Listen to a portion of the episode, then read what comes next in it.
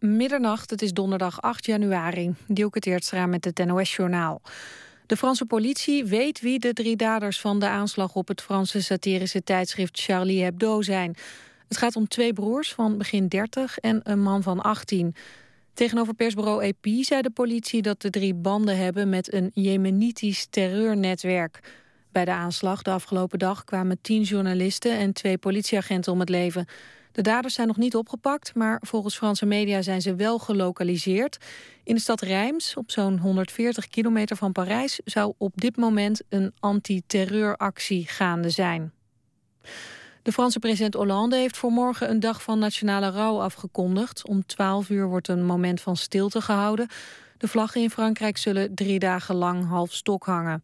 In een televisietoespraak zei Hollande dat de belangrijkste boodschap van Frankrijk vrijheid is zij zijn onze helden, zei hij over de doden die bij de aanslag zijn gevallen. En de Rotterdamse burgemeester Abu Taleb heeft zich in Nieuwsuur fel uitgesproken over de aanslag in Parijs. Hij noemde die een onbeschrijfelijke vorm van barbarij en achterlijkheid. Volgens Abu Taleb is in Nederland geen plaats voor mensen die zich tegen onze vrijheden keren. Tegen Nederlanders die met de daders sympathiseren, zei hij dat ze hun koffer moeten pakken en vertrekken. Abu Talib noemt het heel belangrijk dat moslims afstand nemen van de aanslag. Hij wijst erop dat duizenden Syriërs en Irakezen hun leven wagen om over te varen naar Europa, juist omdat ze de westerse vrijheid koesteren.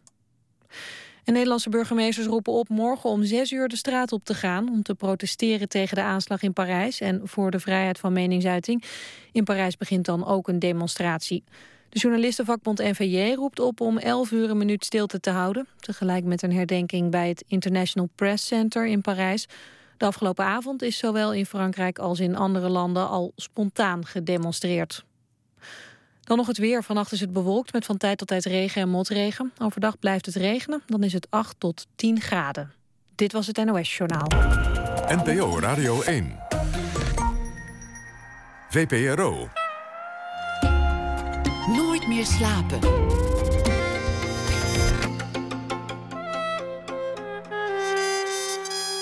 Met Pieter van der Wielen. Goedenacht en welkom bij Nooit meer slapen. Terwijl op de pleinen in Europa, ondanks de koude januari-nacht, nog steeds gedemonstreerd wordt voor de vrijheid van meningsuiting en de klopjacht op de daders voortduurt, praat ik over het métier waar het allemaal mee begon: de strip en de cartoon. Joost Zwarte is de gast, ehm, geboren in 1947 in Heemstede. Striptekenaar, illustrator, ook architect en vormgever. Bekend van zijn creaties Jopo de Poyo, Anton Makassar en Dr. Benzine. Benzine. Zwarte illustreerde voor de New Yorker, voor de New York Times, voor Libération, voor Humo en ook voor Charlie Hebdo. En onder de, onder de slachtoffers van de aanslag van vandaag bevonden zich uh, goede bekenden en naaste collega's. Welkom, uh, Joost Zwarte. Dankjewel.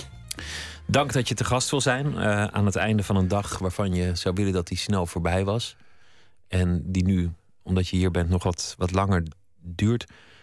Wanneer wist je dat het gebeurd was? Nou, ik werd meteen door mijn vrouw gebeld toen ze dat uh, op de computer zag op, uh, op een nieuwszender. En ik zat midden in een interview. Of midden, dat interview was bijna afgelopen. En, maar er gingen meteen allerlei knoppen om. het is onvoorstelbaar. Aan de ene kant uh, uh, was, was natuurlijk uh, Charlie Hebdo wel een potentieel slachtoffer van, van terreur. maar ja, je, je bent toch eigenlijk gewend dat in een land als Frankrijk, waar, waar, waar mensen geschoffeerd kunnen worden als dat nodig is, en waar tekenaars doen waar ze goed in zijn en waar ze, waar ze eh, de politiek kunnen bekritiseren. En dat is allemaal onderdeel van het, uh, van het publieke debat. En uh, ja, dat is dus eigenlijk een, een, vorm van. Of dat is beschaving, het publieke debat, dat, dat hoort erbij. Dat is rechtstreeks verbonden natuurlijk aan de, aan de democratie. En, en dan is het eigenlijk zo merkwaardig of bizar dat, dat er ineens zoiets gebeurt. Je bent op die redactie geweest. jouw carrière helemaal aan het begin was heel nauw verbonden met uh, deze organisatie, met, met deze club mensen die eigenlijk al jaren het, het harde team vormden van Charlie Hebdo. Een aantal van die mensen die, die, die kende je. Wie waren de, de, de tekenaars die jij persoonlijk kende van, van de vandaag Nou, eh, ik- vermoorde tekenaars? Eh, dat was eh Cabu en eh, Wolenski.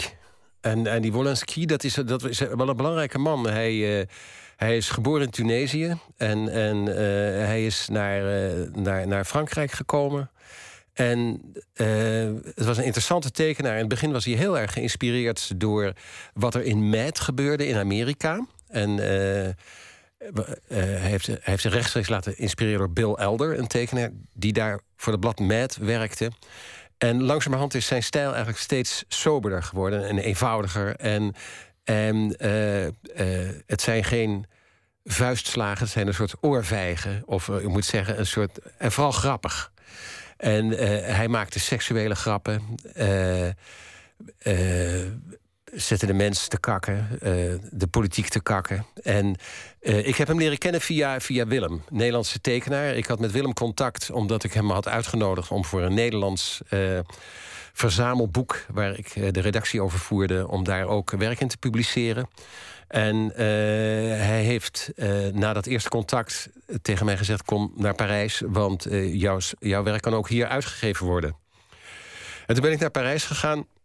En toen kwam ik terecht op de, op de, op de bureaus van, van Harakiri Hebdo, zoals het blad toen heette. En, en ook van Harakiri. En Ha- Harakiri was een blad wat, eh, wat ook tegen alles inging. Eigenlijk wat, eh, wat eh, heilige huisjes omschopte. In de sfeer van de jaren zestig, de, de rebellie. En, en ja, eigenlijk absoluut. niemand werd gespaard, niemand was heilig. Iedereen kon, een, kon een grap om zijn oren krijgen, of ze hem nou konden hebben of niet. Ja, daar werd geen rekening mee En gehouden. de, en de katholieke kerk in die tijd was, was om de week beledigd. Ja, dat, is, dat, was, dat was een goede. Zo zit het wel. En eh, als ik dan op die, eh, op die bureaus kwam, ze hebben dus. Ze hadden net een nieuw blad opgericht. Of dat bestond al een paar jaar. Dat, dat heette Charlie Mensuel. En Charlie Mensuel was een, was, een ma- was een maandblad waarin strips werden gepubliceerd. Mensueel is maandelijks en, en hebdo, Hebdo. is van hebdomadaire eh, wekelijks. Ja, ja, ja.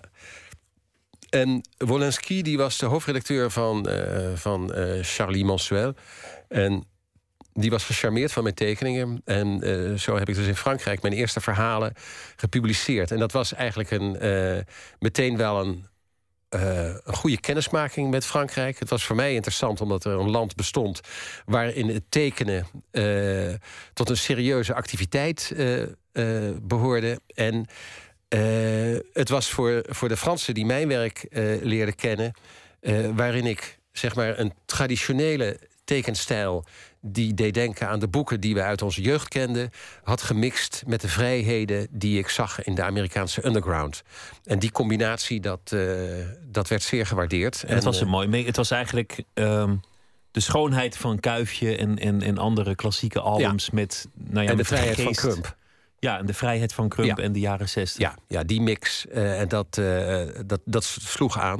En ik heb toen een aantal verhalen ge- gemaakt voor eh, Charlie Monsuel. eh, waarvan een verhaal eh, eh, Willem de scenarist was.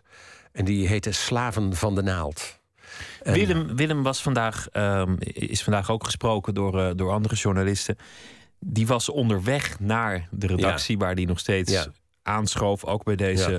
eh, eh, fatale redactievergadering. Ja. Ehm, toen hij in de trein, hij was kennelijk te laat, hoorde dat dit gebeurd was. Nog steeds eh, betrokken.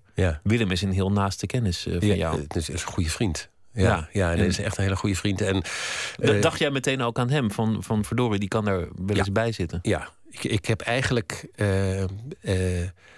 in mijn achterhoofd af en toe komt een, komt een gedachte voorbij van dat de tekenaars eh, voor Charlie Hebdo die daarvoor werken, dat die een enorm risico nemen. En eh, eh, ja, die, die bedreiging, dat, dat voel je een beetje. Maar je hebt toch altijd de verwachting dat dat niet gebeurt. Of je, je hoopt in ieder geval dat het niet gebeurt.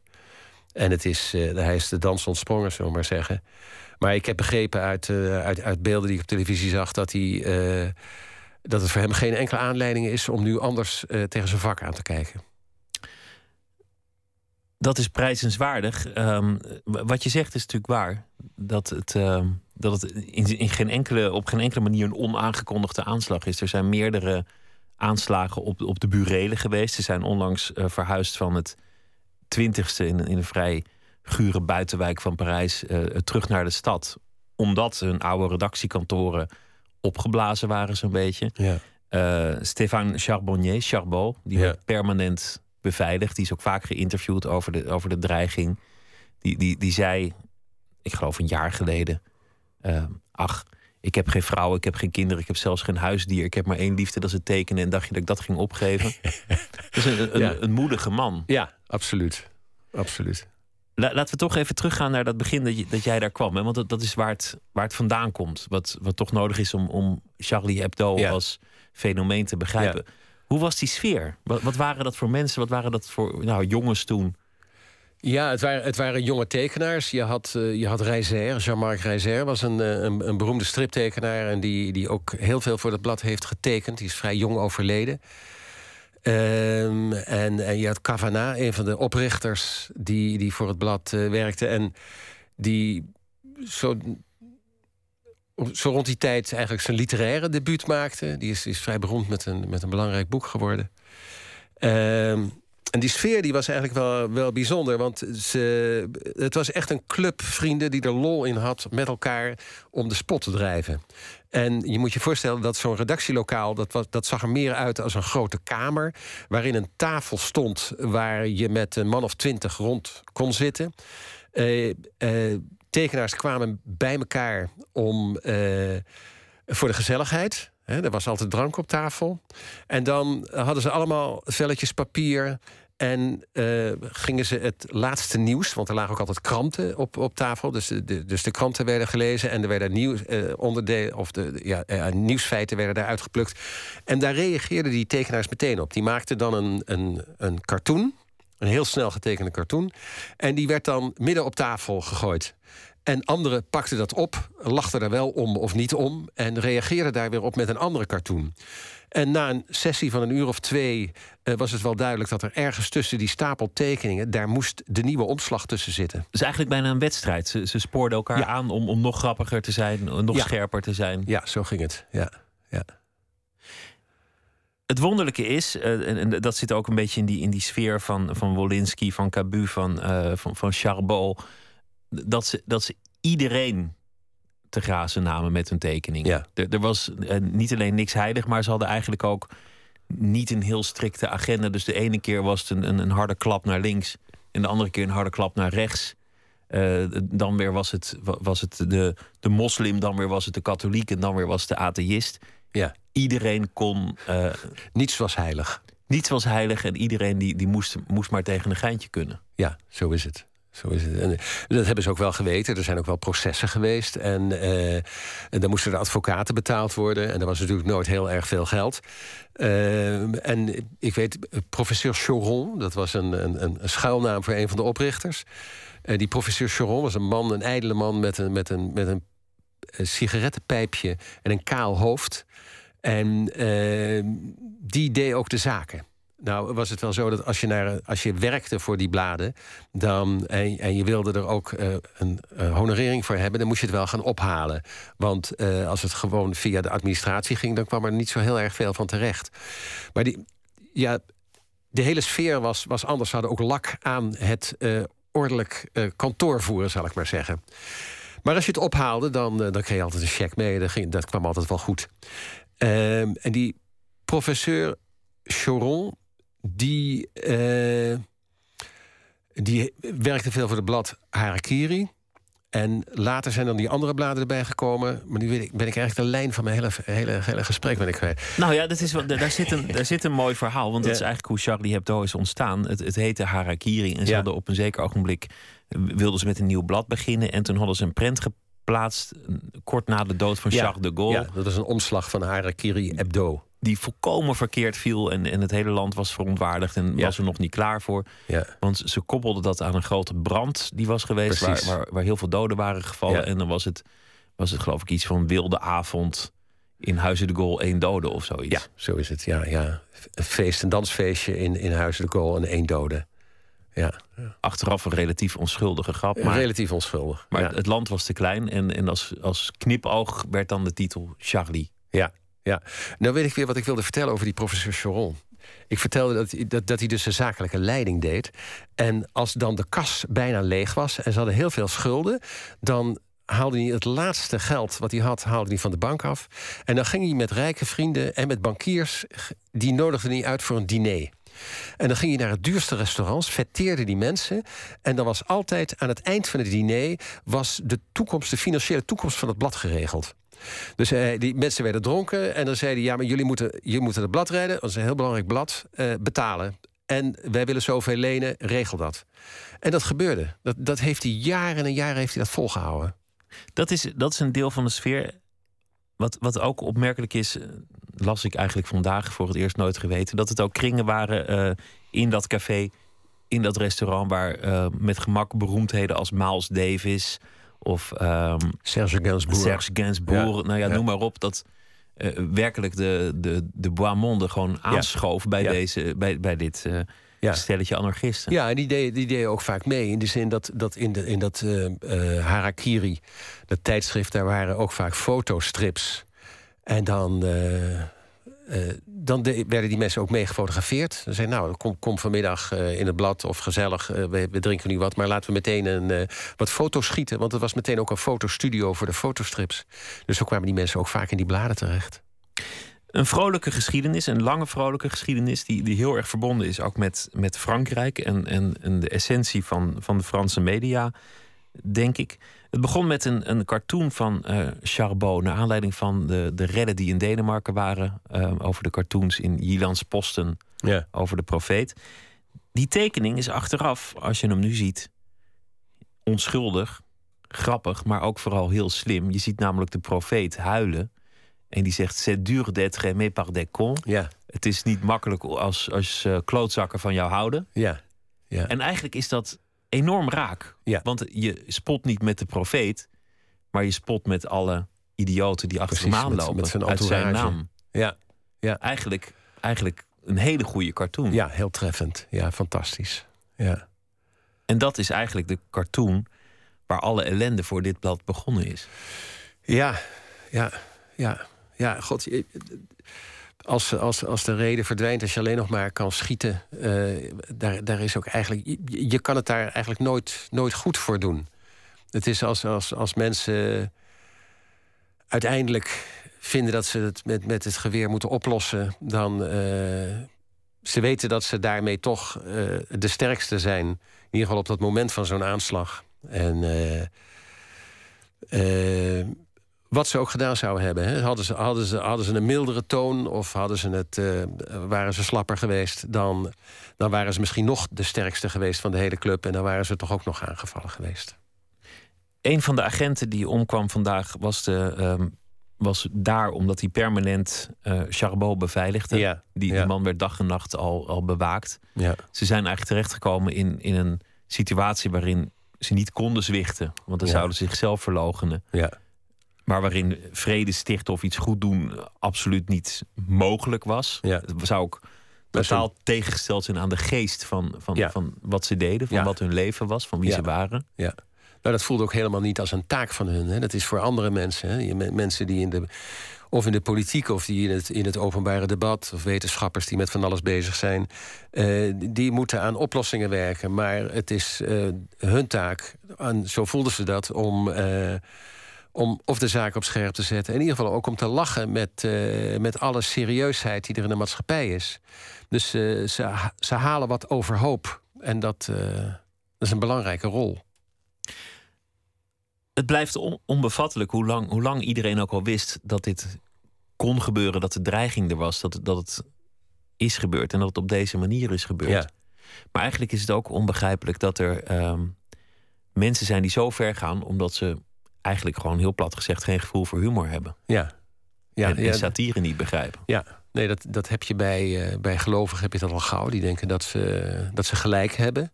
En dat er één waarheid bestaat. En eh, ja, alles wat dat bestrijdt, die, eh, dat moet wijken voor, dat, voor die ene opvatting. was ook in het nieuws dat vandaag al een, een aantal persbureaus van hun site cartoons uit het verleden van Hebdo snel had verwijderd. Oh ja. Mensen van, van, van, eh, die snel hun website kuisen Ja. in, in, in het aanschijn van, van het eh, gevaar. Ja. Is dit het einde van, van Charlie Hebdo? Of, of zal het blad doorgaan? Ja, Hoe moet God, dat? eh, Het is ingewikkeld. Nou, ik, ik, ik denk wel dat het te vroeg is. Ik, het, het is vrij ingewikkeld. Er is natuurlijk een harde kern is overleden. En Dus je, dus je mist een aantal hele goede tekenaars die, eh, die dit blad altijd gedragen hebben. Dus het is niet makkelijk om, er- om ermee door te gaan. Maar de, de drang, of laat ik zeggen, de, de maatschappelijke behoefte of de behoefte van tekenaars om zich op deze manier te uiten, dat, dat, dat verdwijnt natuurlijk niet. En ook al zou dit blad op deze manier niet meer bestaan, dan zijn er zo weer andere bladen. Want je hebt eh, destijds ook gehad de tekenaar Ciné op een goed moment. Die, die kreeg ook eh, ruzie met, eh, met het blad. En, en dat was omwille van een antisemitische, althans, dat was de, de uitleg van de redactie. En eh, eh, die heeft toen gezegd: Nou, dan begin ik gewoon voor mezelf. En daar is een Ciné-hebdo uit, eh, uit voortgekomen. En ik weet dat Willem, omdat hij erg van het werk van Ciné hield.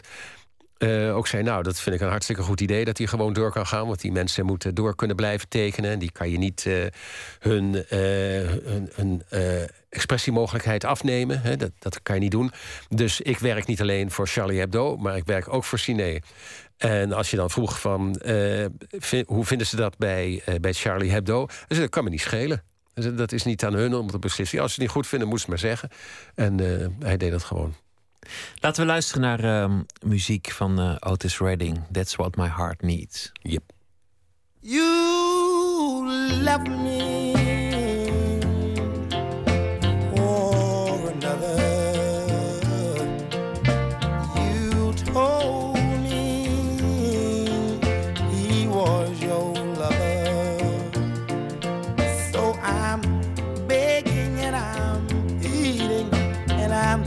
down on bending road, baby. That's what my heart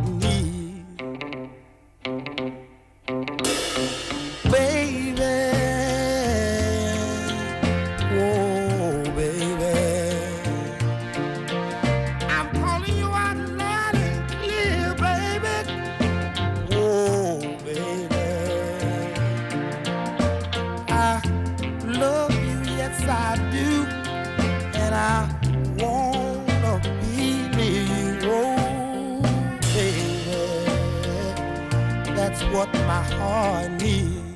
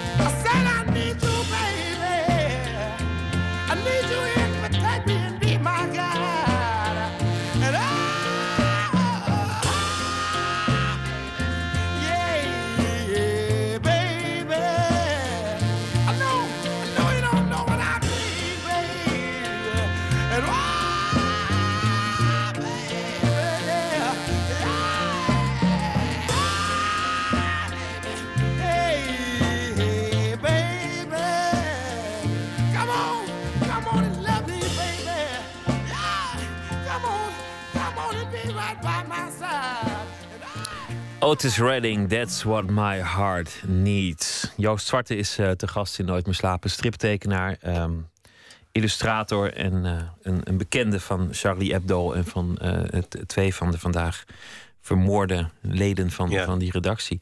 Je hebt, je hebt Otis Redding nog live gezien, vertel Ja, je ik net. denk in 68 dat ik in Parijs was met, met, met de academie waar ik studeerde.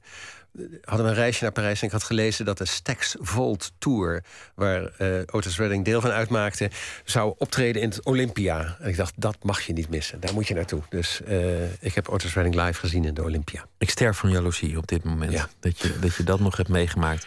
De, um, de essentie van, van het tekenen. Er zijn natuurlijk heel veel essenties van het tekenen. Het is, het is een kunstvorm die, die alle kanten op is, is gegleden in de loop der jaren. Van avonturen tot, uh, tot geweld, tot fantasie, tot, tot bijna architectuur, dat soort dingen. Maar de, de spotprent, en dan die in Frankrijk, dat heeft een enorm lange traditie. Ja. ja. Ik ken het blad wel. Ik, ik, ik koop het met, met enige regelmaat. Soms heel grappig. Soms snap ik eigenlijk de, de grappen ook weer niet zo goed. Omdat de humor zich niet altijd laat vertalen. Ook omdat je vaak de mensen die bespot worden niet even goed kent. Ja. Maar, maar soms is het, is het ook wel gewoon een, ronduit een harde dreun... waarvan de nuance je een beetje Ja. ontgaat. Ja. Ja. ja hoe, dus- hoe zou je dat kunnen typeren? Wat, wat is een, een echte Charlie Hebdo nou, prent? In Charlie Hebdo moet het eigenlijk zo zijn dat, eh, of het moet niet, maar zo is het vaak, dat de tekeningen eh, als, een, eh, ja, als, een, als een kreet eruit zien. Het, wordt. of als een, als een snelle grap. Ze, ze worden niet mooi getekend. Die tekenaars zitten niet lang aan. Ze, ze zetten hun idee op papier. En, en vaak in combina- combinatie met een onderschrift of met een, eh, met een tekst in een ballon. En ik denk dat, eh, dat ze binnen een minuut of binnen twee minuten zo'n tekening kunnen maken. Bij En- een, bij een hartekreet, een, een vlugschrift of, of gewoon een, een meer oorvijg. Precies, precies. Dat, dat, dat is de stijl van werken. En dat was natuurlijk in het vroeger wel anders. Je had, eh, er zijn heel, altijd in Frankrijk heel veel bladen geweest... zoals Le Rire, Le Fourier, Assiette au beurre. En in de Eerste Wereldoorlog had je La Bayonnette, dat was een blad. En daar stonden altijd cartoons in over het oorlog voeren. eh, over dat de staat eh, mensen de dood injoeg. Eh natuurlijk altijd tegen de kleres. En, en in, in Nederland hebben we zo'n blad gehad als de Notenkraker. Maar dat waren, dat waren bladen waar, waar kunstenaars hun, hun zegje konden doen. En die hebben in Frankrijk altijd veel meer bestaan dan in Nederland. Maar strip is daar ook op de een of andere manier een, een enorm gevierde kunstvorm. Je hebt, je hebt eigenlijk op iedere straathoek in, in elke provinciestad wel een stripboekwinkel. En, en zeker in Parijs zijn het er enorm veel. Meer, Ja. meer dan bakkers en slagers in Amsterdam nog. Ehm, je, hebt, je hebt het festival in Angoulême, wat, Ja. wat een enorm, enorm evenement is. Ja, ja, daar komen 200.000 bezoekers eh, in een lang weekend. En eh, het is niet alleen dat, dat er gespecialiseerde stripwinkels zijn... maar als je in een literaire boekhandel komt... dan is er ook een kast waar de, wat men dan tegenwoordig graphic novels... of de, of de strips in staan... En de waardering voor de strip ligt ook veel, heel anders in Frankrijk dan het in Nederland is. Niemand zal in Frankrijk ehm, eh, zich ervoor schamen als ze, als ze van een goede strip. Hè, of ze, dat, ze, dat ze Reiser leuk vinden of dat ze Franquin leuk vinden. Dat, eh, Het is niet voor kinderen. het is. eh, nee, in, in, in, in Nederland wordt vaak nog de associatie gemaakt dat strips voor kinderen zijn. Dat is, dat is natuurlijk wel minder geworden. Maar eh, het is toch nooit helemaal zo van de grond gekomen zoals dat in Frankrijk is. Op dat stripfestival in Angoulême eh, heb jij ook meegedaan aan een, aan een project waarbij jullie spotprenten, een beetje Ja. zoals eh Hebdo die zou maken, Ja. live bij het festival maakten aan de hand van, van de actualiteit. Ja, en Niet dat, zo lang geleden. Dat komt eigenlijk omdat ehm, eh, dat festival in Angoulême is zo georganiseerd dat, eh, dat er tijdens zo'n festival is er een verkiezing voor wie de hoofdprijs krijgt, of de, de grootste prijs die er bestaat in Angoulême voor, voor striptekenen. Een oeuvreprijs. En eh, de mensen werden vroeger, of de tekenaars werden vroeger door andere tekenaars gekozen. Tegenwoordig speelt het publiek daar ook een rol in. En zo kwam het dat eh, twee jaar geleden de hoofdprijs ging naar Willem. En dat is vrij uitzonderlijk, omdat in dat, eh, dat stripland is zo'n enorm groot land. Er zijn zoveel tekenaars die, die maken. En dat dan, het was ook voor de eerste keer dat een Nederlander eh, van geboorte die, die prijs won. En nou is het zo dat je, als je die, als je die grote prijs wint, dat je, dat je dan eh, president wordt gemaakt voor het volgende festival. Dat betekent dat je mee mag bepalen welke tentoonstellingen er komen. En toen, toen ik dit hoorde, sprak ik in de trein terug Gert-Jan Pos. En die, is, die, die was in Nederland de, de intendant voor de strips. eh, bij het Fonds voor de Beeldende Kunst. En die, eh, die zei: Zouden we niet hier iets aan moeten doen? En dat was een gedachte die ik ook had. En toen, eh, toen kreeg ik een mailtje van hem een paar dagen later. En hij zei: Wat dacht je ervan om. eh, in ons, de Nederlandse tekenaars, te presenteren eh, op een manier die eh, doet denken aan de tijd waarin Willem in Parijs begon. En waarin eh, de studentenprotesten waren, de affiches die gemaakt werden door de studenten aan de academies, die dagelijks in de stad worden verspreid. En, zeg maar, en, en dat klimaat waarin Willem. Dat was het klimaat waar Willem zich verbonden mee voelde toen hij in Parijs kwam en besloot om daar te blijven wonen. Mei 68, de, de, de studentenrevolte, Ja.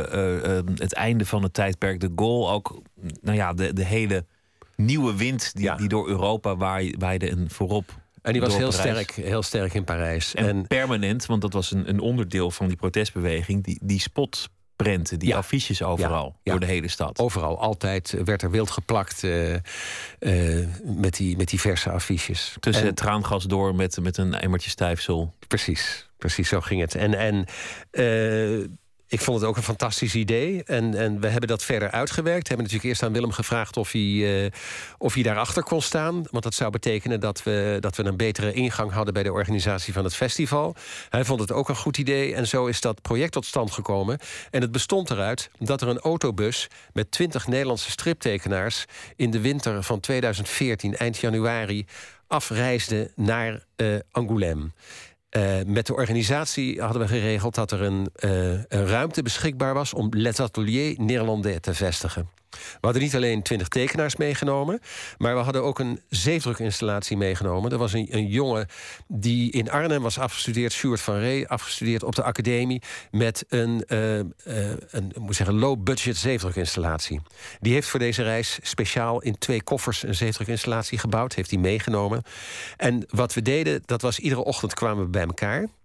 We eh, bespraken het nieuws, welke nieuwsfeiten er waren, die we konden becommentariëren. Eh, er konden ook tekeningen gemaakt worden reagerend op het festival zelf. Die tekeningen maakten we op transparant papier, werden onmiddellijk belicht op een zeef en werden gedrukt. Eh, dat ging allemaal binnen half uurtjes, moet je je voorstellen. We hadden een samenwerking met de krant Libération om. Als wij taalkundig er niet uitkwamen, dat we dan gebruik mochten maken van de expertise van de redactie van Liberation. Liberation is ook een, krant die op heel veel manieren eh, Charlie Hebdo altijd hielp. Ik denk Ja. dat ze dezelfde uitgever hadden, maar ze hebben ook op een gegeven moment een redactielokaal ter beschikking gesteld. Dat, dat soort Ja, diensten de- deden ze op de een of andere manier. Dus er was ja een ze soort zijn een beetje van dezelfde familie, Ja. zullen we maar zeggen. En, en het, wat we dan deden is, als, zodra als zo'n zeetdruk klaar was, dan hadden we een plakteam van de Stalinsky-zusters uit Groningen. En die gingen dan met een fiets, met een eh, emmertje stijfsel... Angoulême in.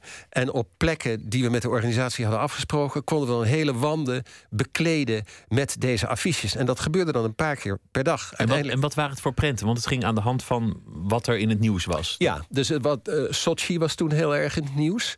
En mevrouw Trierweiler, die met vazen had gegooid in het Elysée. En Hollande, die met een integraal helm door de stad reed om zijn vriendin te bezoeken. Dat was ook in het nieuws. En er, wa- er waren ook de, de, de milieuproblemen die er in, in, in Japan een rol speelden. Ik weet dat Barbara Stok daarover getekend eh, heeft. Eh, en het was eigenlijk een beetje een vergelijkbare sfeer met op Charlie Hebdo. We zaten in, in ruimtes met grote tafels tegenover elkaar. En iedereen was enthousiast aan het werk en realiseerde zich dat een paar uur later diezelfde tekening ook meteen op straat hing. Waar de bezoekers van het festival eh, daar kennis van kon nemen. En dan ook weer over je eigen affiche heen plakken. Ja, over eigen affiches heen plakken. En er werden natuurlijk regelmatig affiches gejat. En die moesten dan weer eh, herplakt worden. Nee, die meiden hadden het druk. Je noemde eh, eh, Willem al een aantal keer. Ja. eh, Bernard Holtrop is zijn, zijn, zijn echte naam. We luisteren naar een, een interview dat Wim Brands onlangs met hem had. En dat ging eigenlijk ook over hem persoonlijk en zijn zoektocht naar erkenning. Of eigenlijk het Ja. gebrek aan zo'n zoektocht naar erkenning. Ja. Maar is het nou waar dat, dat op, een, op een receptie... dat Beatrix op je afstapte en dacht van... ja, want je bent toch een kleine beroemdheid, klein, je bent een beroemdheid... en dat je je omkeerde en dacht, nee, dat hoeft voor mij niet. Nee, ja, ze, ze kwam stralend door de zaal heen eh, in mijn richting. En eh, nou ja, toen draaide ik me om naar de bar. Ik zei, ik wil nog een pilsje eigenlijk. Eh, zo, zoiets, ja. Waarom deed je dat? Ik, had, ik wil niet met dat soort mensen op de foto staan. Echt niet. Nee. Nee, daar heb ik iets... eh, eh, dat kan ik niet hebben, nee. Ja, je klopt nu op je, op je, op je maag. Alsof Nou ja, eh, niet dat ik echt wil braken, maar... Eh, ik wil ook niet met ministers en zo, dat soort mensen. Daar heb ik niks mee te maken. Je bent echt nog steeds gewoon, en dat is, ja, hoe noemen we je? Een, een anarchist. Eh, waarschijnlijk, ja. ja. Maar je wilt het echt niet. Nee, nee, nee. En als, het, als nou eh, minister Timmermans van Buitenlandse Zaken... eh, jou eh, van Nederland, is die een medaille wil opspelden en, en wil toespelen... ook liever Ik niet. hoef geen medailles. Nee. Gewoon klaar. Ja. Heel duidelijk. Nee, heel mooi. Wat wil je wel? Ik wil dat ik de volgende dag een goede tekening maak. Dat het in orde is. Dat, het, dat ik goed werk maak. Dit zegt veel over Willem, maar dit zegt Ja. ook veel over het vak. Dit zegt Ja. ook veel over de sfeer van, van de, de tekenaars. Ook de, de, de sfeer van, van Charlie Hebdo. Ja. Ja. Dit, dit is, dit is wat, wat Charbonnier eh, ook gezegd zou kunnen hebben. En, en Cabu en Wolinski Ja. en, en Verlac. Die, Ja. die, die, die jongens, die zaten allemaal eigenlijk zo in elkaar. Ja, dat denk ik wel. Maar, maar, maar Willem nog het meeste. Nog hij, meeste. ja, Hij, is een, hij is echt een. eh, Wat dit betreft. Hij was ook. Toen hij vorig jaar dus president was op het festival. had hij daar een, een overzicht tentoonstelling. En eh was een provinciebestuurder die, die langskwam om. eh, om hem eer te bewijzen. En dan wordt er verwacht dat hij daar een rondleiding zijn werk komt eh, uitleggen. Daar heeft hij geen zin in. Dat, dat, eh, hij zegt die mensen nog wel goeiedag. Hè, dat, daar, eh, maar dan heeft hij het al gauw gezien. En dan zegt hij, ja, ik heb nou wat anders te doen. En dan gaat hij weg. Die, die Charbonnier, die, dat, dat noemde ik al eerder, die had permanente beveiliging nodig. En dat, dat is een eh, nou ja, kostbare zaak. Ja. En die kreeg ook wel bezoek van, van prominente politici. Eh, Sarkozy heeft het heel erg voor ze opgenomen Ja. In zijn periode. Ja, ja. Eh, François Hollande heeft ze ook eh, gesteund toen hij van een totaal andere politieke richting aan de macht kwam. Ja. En allebei werden ze een dag na het eh, bezoek, of dan ze, ze kwamen, ik geloof dat Hollande niet zelf kwam, maar een minister, maar daar wil ik vanaf zijn. Maar de politicus die op de redactie langskwam, want ineens kwamen die daar, werden altijd beloond met een ontzettend harde sport, spotprint Ja. de volgende dag. Ja, ja, in de zijk nemen. Meteen En- in de zijk ja, nemen. ja. Dank voor de beveiliging, maar we, we nemen je lekker in de zijk. Ja, ja, want ze zeggen in, hun- in hun toespraken dat zij het vrije woord belangrijk vinden. Dus eh, stel je voor dat je in reactie daarop eh, denkt... nou, we moeten die, eh, die man maar een beetje ontzien. Want die zorgt Dat voor mijn beveiliging. Ja. Ja, nee, dat is het eh, verkopen van je ziel. Dat, eh, dat kan niet. Dus, dus eh, zij gaan dan meteen door, ja. Ik had vandaag ook het, ehm, het gevoel dat een tijdperk is geëindigd op, op een of andere gekke manier. Hoeveel aanslagen we ook al hebben eh, gehad. En eh, we hebben hier in Nederland Theo van Gogh gehad. En Ja. we, we wisten dat dit kon gebeuren. Ja. En, en er zijn ook al pogingen ge- geweest om in Denemarken toe te slaan Ja. bij, bij cartoonisten. En, en desalniettemin voelde dit vanwege die geschiedenis misschien ook wel als een als verloren onschuld en een, een tijdperk dat voorbij is. Ik weet het niet. Ik, eh, ik heb het gevoel dat, eh, dat het, en vooral in Frankrijk, zo'n zo'n belangrijk onderdeel is van het publieke debat. En dat die satire daar zo bij hoort. Dat eh, ik kan me niet voorstellen dat dat eh, ook met zoiets ineens over is. Ik kan, me, ik kan me dat gewoon niet voorstellen. Omdat het zo ver teruggaat in de geschiedenis. Ja, en er, er zijn altijd uitgevers geweest. Ik weet, er was, er- volgens mij heet die Pauvert, een, een man die dan eh Marquise de Sade weer opnieuw heeft uitge, eh, uitgegeven. En die kreeg ook allerlei processen aan zijn broek. En die vond ineens Jean-Paul Sartre aan zijn zijde, die dan ook de, de, de kosten van de advocaten betaalde. Ik denk dat het, dat het zo in de maatschappij zit. Eh, zeg maar, het nut wat hiervan wordt gezien voor het publieke debat en voor het, voor het, eh, voor het aanjagen daarvan, eh, dat, dat er altijd steun zal zijn voor, voor dergelijke bladen. Ik denk dat er altijd cartoons zullen zijn. Ik denk dat de humor niet te vermoorden valt. Ik denk dat de vrijheid van meningsuiting uiteindelijk zal overleven. Ik denk, ik denk dat soort dingen geloof ik allemaal. Maar de, de geest van 1968, de lange periode van vrijheid en vrolijkheid, die ook heel erg bij dit blad hoorde, Ja, Ja. Die, die is volgens mij toch wel in het hart geraakt vandaag. ja dat, dat, is, dat is zeker waar. Ja, ja, ja. Ehm, je komt toch bij, bij jonge tekenaars in andere vorm kom je toch ook weer vrijheden tegen die. eh, die, die eh, maar misschien niet in die oplage en misschien ook niet eh, met het af en toe dat, dat politieke karakter. Hè? Of, er zijn natuurlijk altijd tekenaars die, die de gekste dingen doen. En eh, eh, je, hebt, je hebt een uitgeverij in Marseille, Le, Dernier Cri.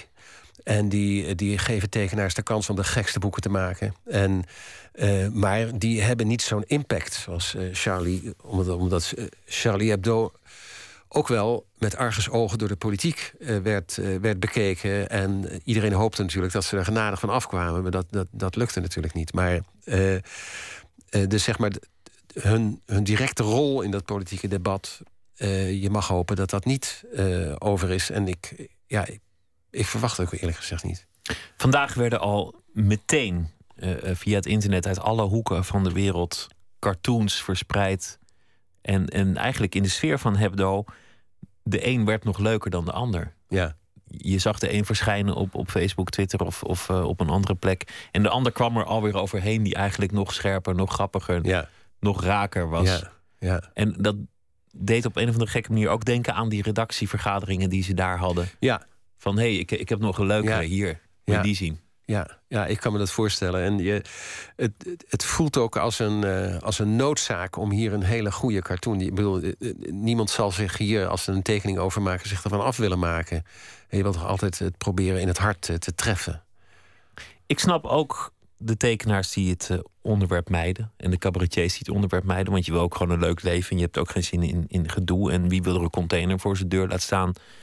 Dat je afgeslacht wil worden door, door een of andere maloot. Ja, Ik heb, Ja. ik heb daar ook wel weer begrip voor. Maar een enorme bewondering voor, voor eh, Charbonnier. Die zei: Ja, dag, ik laat me niet kisten. ja, Ik ga door. Ja. Ik maak een nog betere prent. ja.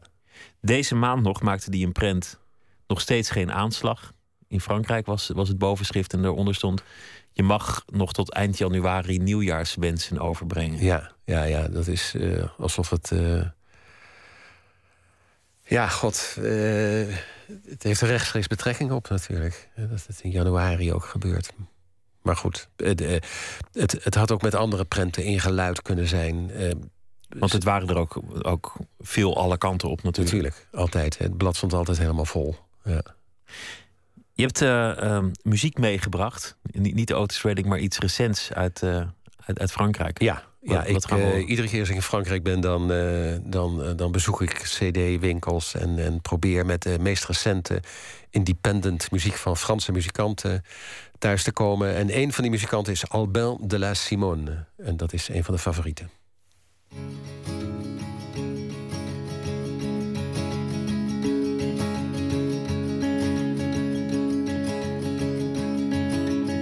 Un jour la vie est belle, une euphorie nouvelle.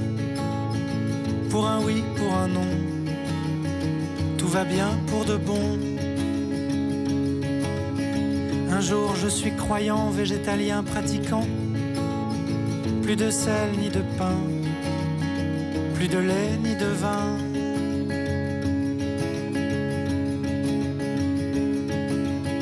Un jour je m'exaspère, j'ai pas les mots, je les perds.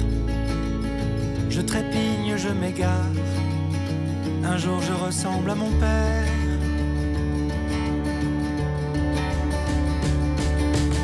C'est la crise, c'est la crise qui m'épuise, rien à faire. C'est la crise, c'est la crise qui s'éternise, on va s'y faire. Un jour je donne, je donne, je donne, je donne. Le cœur sur la main sur le cœur. Un jour je parle fort à raison et à tort. Je m'emballe, je digresse. Je m'affale et vous délaisse. Un jour je bois du noir miné par mes déboires. De la veille et de l'avant-veille.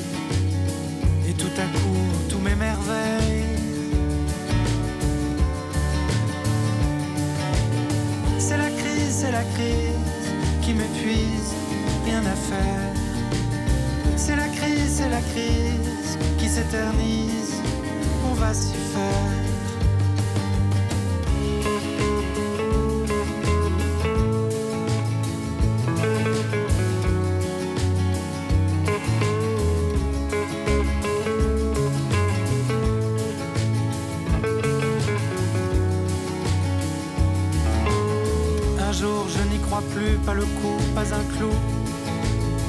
Moitié plein, moitié bu. Tout est flou, tout est fou. Et toc, un coup du ciel à nouveau, la vie est belle. Pour un oui, pour un non. Tout va bien, pour de bon.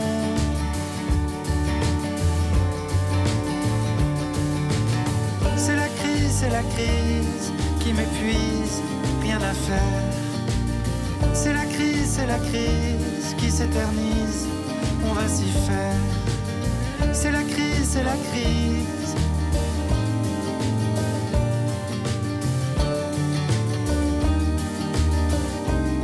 On va s'y faire.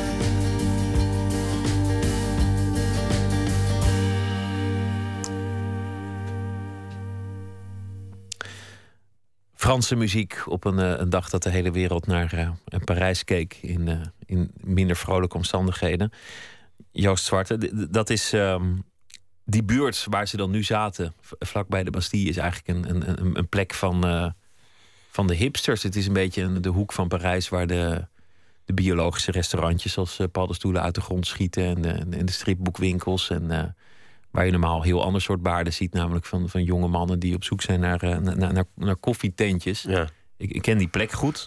Dat, dat maakt het ook dat het, dat het dichtbij komt als je ineens dan die, die, die, Ja. die gruwelijke beelden ziet Ja. van wat er gebeurd is. Ja. En, en ook de verbazing dat, dat ze met een auto in het verkeer van Parijs nog hebben weten weg te komen. Want Ja. ik associeer dat toch voornamelijk met vaststaan en, eh, Ja. en, en eindeloos eh, toeteren. Ja, en mogelijk dat de tijd die ze hebben uitgezocht er ook wel mee te maken heeft.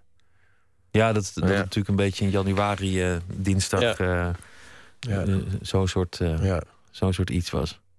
Ja. Ja. Het is niet, niet ver ook van waar Liberation zit.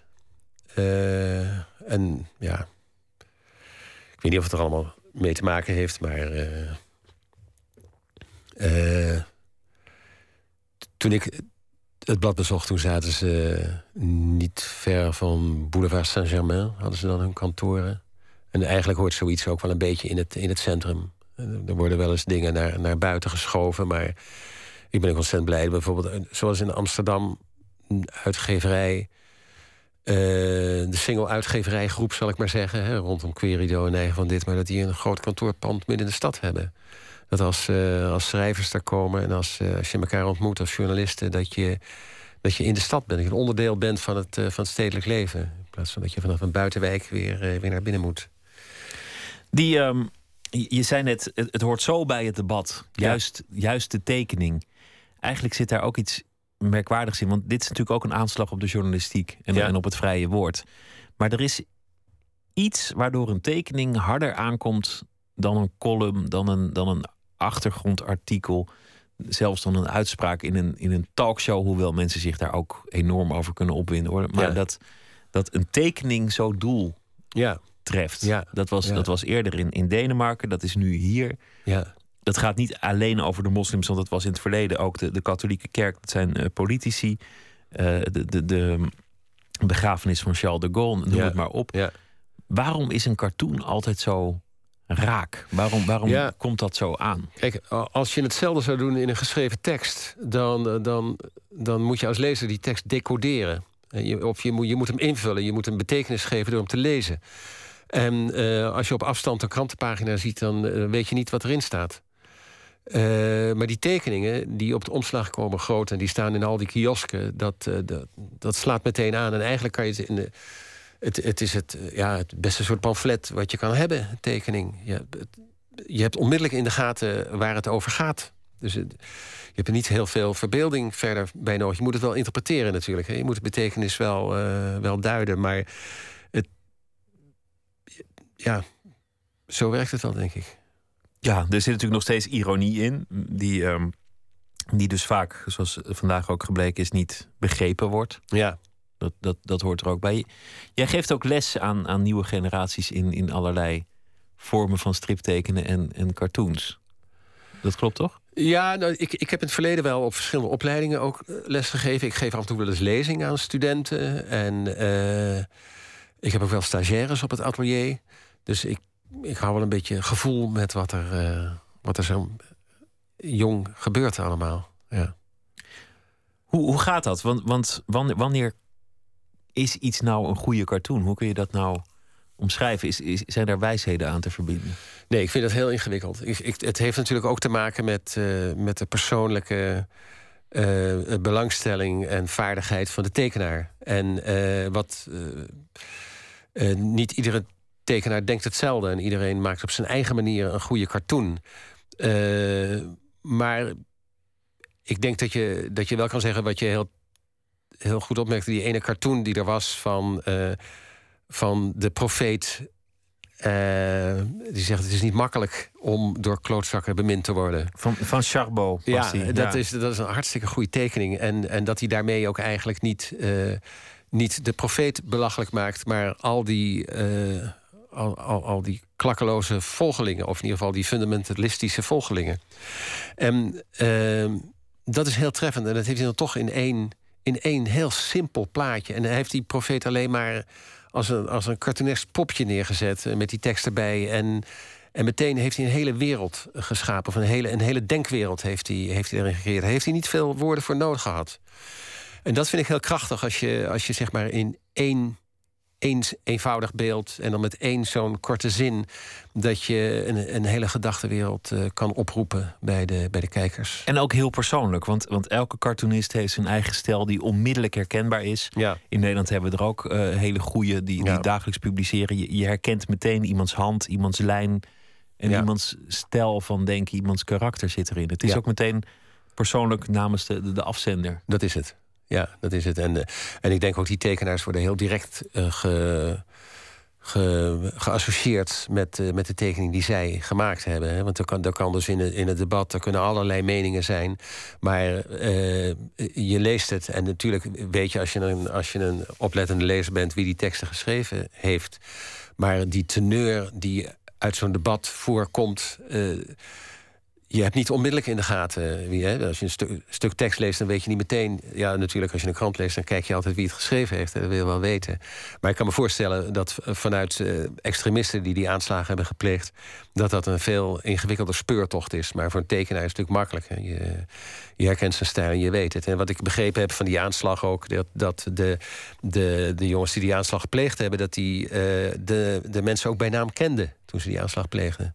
Het gruwelijke detail dat ik heb gehoord, eh, wat vandaag gewoon de hele dag ook op het nieuws was, was dat ze één voor één die namen hebben afgeroepen. Ja, ja, ja. ja. Om, te, om te laten zien dat ze hem voor wie ze, voor wie De kogel bestemd was. Ja. Stéphane Charbonnier had een, had een rubriek eh, in, in, het, eh, in het blad. En, en die heette Sharp n'aime pas les gens. Sharp houdt niet van mensen. Ja. En, en dat vatte eigenlijk zijn, zijn geest samen. Van, het- het gaat mij helemaal niet om een politieke ideologie of om een bepaalde religie. eh, of wat dan ook. Ik hou gewoon niet van mensen. Nou, daar heeft hij op tragische wijze gelijk in gekregen. In het Ja. niet houden van mensen. Ja. Tegelijk was het in, in interviews een, een buitengewoon zachtaardige man. Met, met eigenlijk hele ehm zachtaardige opvattingen over heel veel dingen. Ja. Het, het was absoluut geen hardliner. Het was een, een, eerder een relativist. Ja. En, en ook iemand die, ja, die, die heel optimistisch gestemd was over, over de, de islam. Want hij zei, ja, 99% van die mensen... die, die, eh, die kan het allemaal eigenlijk niks schelen. Ja. ja. Zo'n spotprint. Ja. Ja, het is een vergelijkbare eh, eh, houding die ik ook ken van Willem. Als je hem in het dagelijks leven. Als je met elkaar bent, dan is het, dan is het lachen en vooral gezellig hebben met elkaar. En het- hij doet geen vlieg kwaad. Het is een hele, hele rustige, rustige man. Maar eh, in zijn tekeningen des te meer. Daar kan hij echt, eh, echt losgaan. Wat voor, wat voor tekeningen eh, kwamen er eigenlijk van, van Cabut en, en Wolinski? Hoe, wat, voor tekenaars waren dat? Hoe, Nou, van Cabu weet ik het niet helemaal. Ik kwam hem wel tegen een jaar of twee geleden. Ik, was, ik had een tentoonstelling in Parijs. En, en mij werd verteld dat in het café daar op de hoek van die studio... dat eh Cabu daar was. En, kom op, we gaan even naar hem toe. En eh, dat was een ontzettend gezellig, eh, gezellig samen zijn. Ik, ik kende hem dan een beetje van vroeger. En was verwonderd dat ik, eh, dat ik in Parijs was. En dat was heel erg leuk. Ehm, en Wolinski, dat was een man die altijd een, een grijns op zijn gezicht had. En En waarvan je denkt, wat, wat, wat speelt er nu in zijn hoofd? Hij maakte altijd, altijd grappen met mensen. En, eh, en eh, ja, eigenlijk, er, er was weinig heiligs eh, in de wereld voor hem. Het was, het was een bijzondere man, want hij heeft, omdat, omdat hij uit bijvoorbeeld, omdat hij geboren is in, in Tunesië, had hij ook een grote liefde voor dat land. En dat zag je weer terug in dat blad. Ik, ik volgens mij was, was Charlie Mansuel, waar hij dan de hoofdredacteur uh, voor was in die periode het enige blad die over Arabische muziek schreef omdat hij die roots had. En een grote liefde voor Om Kalsoum. En dat werd altijd in artikelen uitgevend in dat blad. Hij had een hele grote, hele grote waardering voor de Arabische cultuur. En nou moet hij op deze manier uh, het loodje leggen. En op leeftijd, dat is eigenlijk ook uh, ja, in 80 jaar. 80 jaar en, en Cabu 76 jaar. Ja, ja. We, we hebben nog eigenlijk, nou, je had ook nog eh, Verlac. Bekend van, eh, van het, uh, onder de naam Tinju, maar ook onder andere namen. Hij, schreef voor heel veel bladen, tekende voor heel veel, heel veel bladen. Wat, wat voor tekenaar was dat? Dat weet ik niet, want die, die heb ik niet gekend. Nee, dat was eigenlijk na, na de periode dat ik met, met Willem vaak op de redactie kwam. Zijn er veel van die tekenaars later bijgekomen en ook weer weggegaan. Dus ik, ik, ik ken ze niet allemaal. Nee, en er zijn natuurlijk nog meer mensen gesneuveld die ook aan het uh, blad werkten. En Ja. ook, ook nog eh, twee agenten en Ja. ook eh, Bernard ja. Maris. Ja, en er werd en- natuurlijk ook geschreven in het blad. Hè. Het was niet alleen tekenen. Het was wel de harde kern, zeg maar, die tekenaars, de oprichters en, eh, en het, eh, het gezicht, het paradeplaatje, eh, paradepaardje van het blad. een, eh, een zwarte dag al met al voor, eh, voor de stripkunst. En, en voor de cartoontekenaars. En Ja, eigenlijk voor, absoluut. voor iedereen die, eh, die ook maar iets heeft met, met humor of het, eh, of het vrije woord of, Ja. eh, of allebei. Ja, het voelt heel slecht. Dank dat je desalniettemin eh, wilde komen vandaag. We sluiten af met een toepasselijke plaat van Elmore James. De titel The Sky is Crying.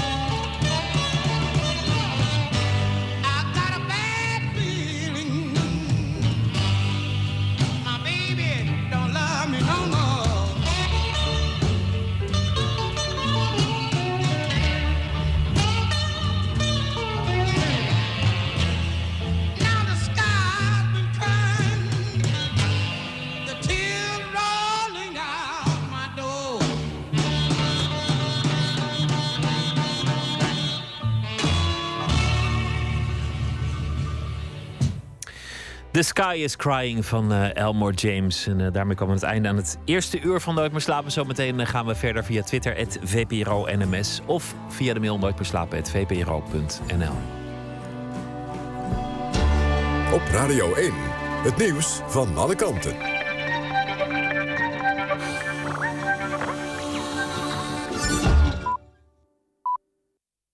Het is één uur, die ook het eerst met het NOS-journaal. In de Noord-Franse stad Reims is een antiterreuractie gaande. Zwaar bewapende agenten en sluipschutters hebben een gebouw omsingeld... waarin zich mogelijk de daders bevinden van de aanslag in Parijs de afgelopen dag.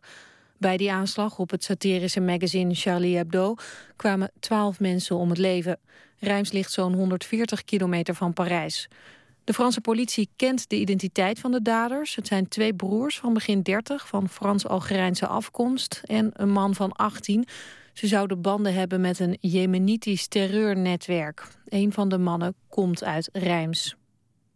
En mensen in Nederland moeten alert zijn en blijven opletten, maar niet paranoia worden. Dat zegt Nationaal Coördinator Terrorismebestrijding Dick Schoof, naar aanleiding van de aanslag in Parijs. De aanslag is geen reden om het dreigingsniveau in Nederland te verhogen. Dat is al een tijd substantieel en dat blijft zo. We hielden al rekening met de mogelijkheid van een aanslag, zegt Schoof. Hij wil niets zeggen over mogelijke verscherping van veiligheidsmaatregelen. In Delfzijl is een arrestatieteam een woning binnengevallen na berichten over een mogelijke gijzeling. Een jong stel meldde zich eerder op de avond bij de politie. De twee zeiden dat ze uit het huis waren ontkomen en dat er nog mensen binnen waren, maar agenten troffen er niemand aan. De politie onderzoekt de zaak. En Billy Elliot is uitgeroepen tot beste grote musical van 2014. De prijs werd uitgereikt tijdens het Musical Awards Gala in Utrecht. Billy Elliot is een musicalbewerking van een film over een jongen van elf uit een Engels arbeidersgezin in de jaren 80 die tegen de wens van zijn vader op ballet gaat. Simone Kleinsma en John van Eert werden uitgeroepen tot beste musical acteurs. De publieksprijs ging naar Soldaat van Oranje. Die musical is bijna 1500 keer opgevoerd en heeft zo'n anderhalf miljoen kaartjes verkocht. Het weer nog. Vannacht is het bewolkt met van tijd tot tijd regen en motregen. Overdag blijft het regenen. Het is dan 8 tot 10 graden. Dit was het NOS Journaal. NPO Radio 1. VPRO. Nooit meer slapen.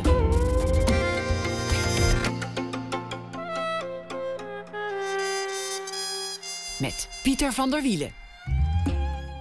U luistert naar Nooit meer slapen. Don Duins is uh, schrijver voor uh, televisie en theater. Uh, maakte ook romans. En ehm, deze week schrijft hij elke dag voor ons een verhaal dat hij s s'nachts voordraagt. Op basis van de afgelopen dag. Goeienacht, Don. Goeienacht, hallo. Um, ja, vertel, me, vertel maar gewoon je verhaal, als je wil. ja, dan komt het. Gisteren las ik in dit programma een brief voor aan een boze Duitse burger. Een zogenaamde woedburger die tegen de islam demonstreert in Dresden. Ik probeerde in die brief vooral nuance aan te brengen... in wat volgens mij botte en ondoordachte protesten zijn. Onder andere zei ik... de gedachte dat de sharia hier overmorgen ingevoerd gaat worden... leeft bij mij totaal niet. Voor mij zijn moslims geen monsters, maar mijn buren. Maar jij zult me wel naïef noemen. Woedburger. Na afloop van mijn verhaal had ik een korte discussie met de presentator van dit programma, Pieter van der Wielen. Die zei zelf wel degelijk bang te zijn voor de uitwassen van de extremisten binnen de islam. We kwamen er niet helemaal uit, wat ook niet hoeft tussen twee beschaafde mensen. Want hier mag je je eigen mening hebben.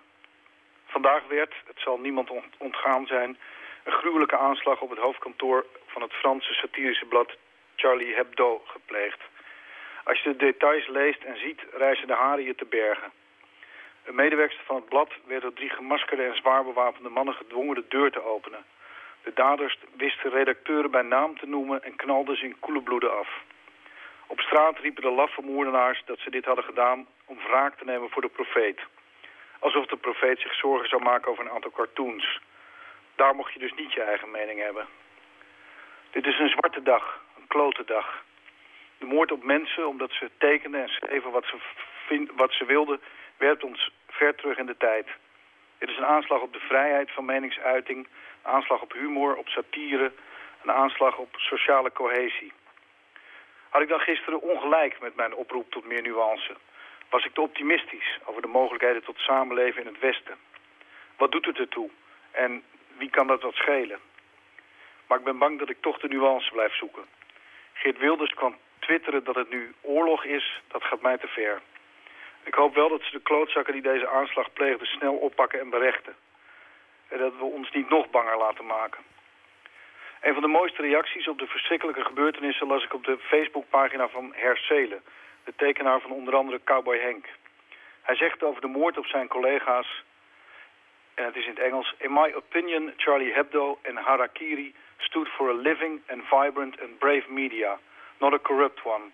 They were part of a great French satirical tradition that demands our utmost respect. A group of great artists have been annihilated with one terrible and cowardly blow.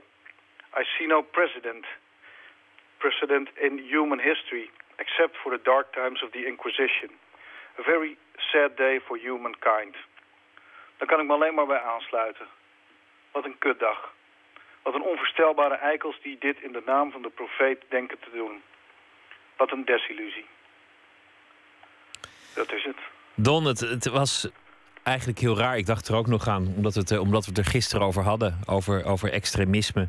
Ja. En ehm, ik zei iets dat, dat extremisme in alle overtuigingen kan schuilen. En, en eh, dat, dat zelfs de verlichting na de Franse revolutie een, een tijd van massaal onthoofden heeft, eh, heeft gekend.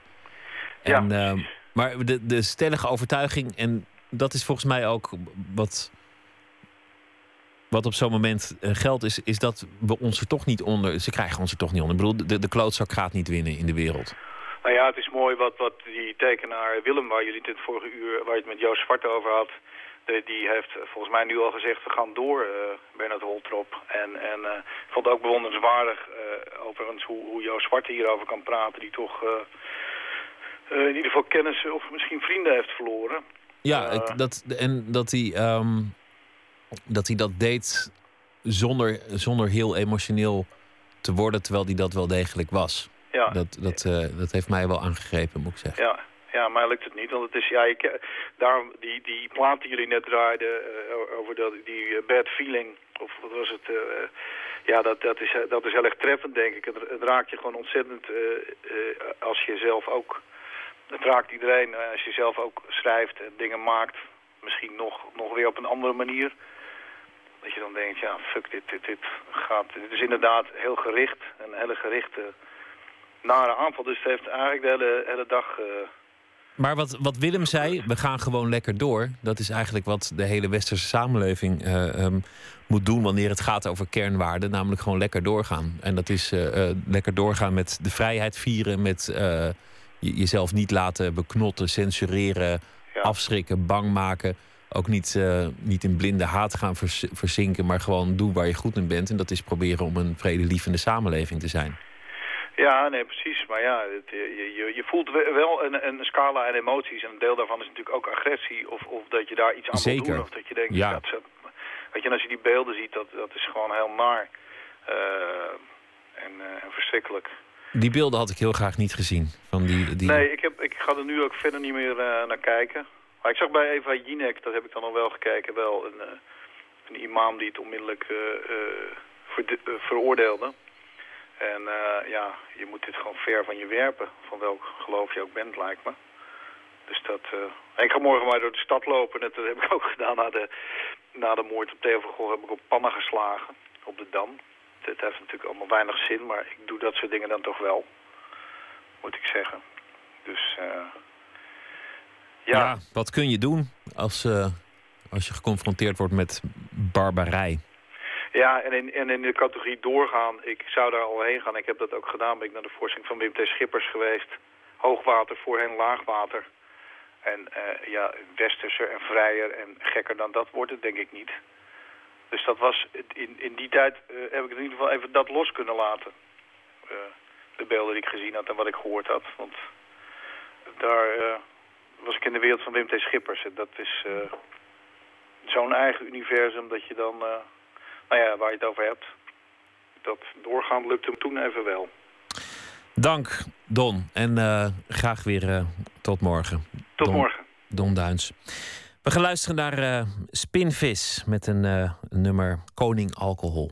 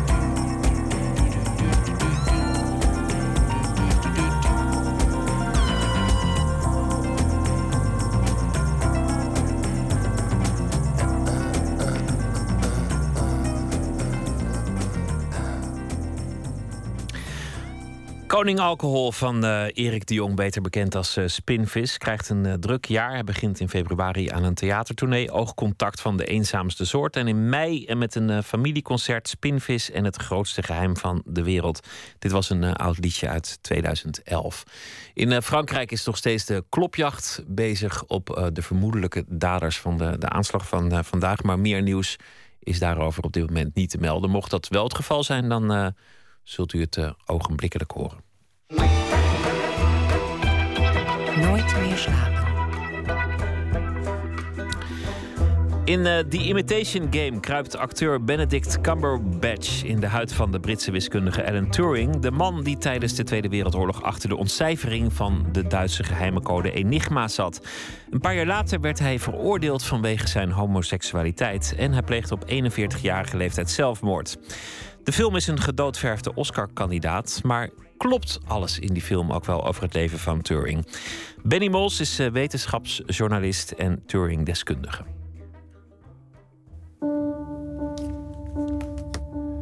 If you speak a word of what I'm about to show you, you will be executed. It's beautiful. It's the greatest encryption device in history. The Germans use it for all major communications. Everyone thinks Enigma is unbreakable. Let me try and we'll know for sure. Ik zal eens het verhaal van Alan Turing vertellen. Het is simpel. Briljante Engelse wiskundige overwint sceptisch en tegenwerking en ontwikkelt in de Tweede Wereldoorlog een machine die de Duitse Enigma-code kraakte. Allemaal te zien in het loeispannende The Imitation Game. What is it that we're really doing? We're going to break an unbreakable Nazi code. Oh. To pull off this genius routine, one actually has to be a genius. Why are you building a machine? The machine will allow us to break every message and win the war. Tweede Wereldoorlog met jaren verkort, miljoenen mensen gered en Turing bleek de grondlegger van de computer. Simpel. En toen ontmoette ik wetenschapsjournalist Benny Mols, schrijver van het boek Turing's Tango. Het was de juiste man op de juiste plek in de juiste tijd om de theoretische basis te leggen voor de computer en om die geheime Duitse code te kraken. En in persoonlijke zin was het best wel een Einzelganger, iemand die sociaal ja, toch wel onhandig was, uh, die niet zo heel goed was in ja, de, de, de, de gesprekken over ditjes en datjes in het leven. Ik bedoel, hij had het liever over machines en over wat ze allemaal wel niet zouden, zouden kunnen. Alan? Yes? I said we're going to get some lunch. Alan? Yes? Can you hear me? Yes. I said we're off to get some lunch. this is starting to get a little bit repetitive. What is?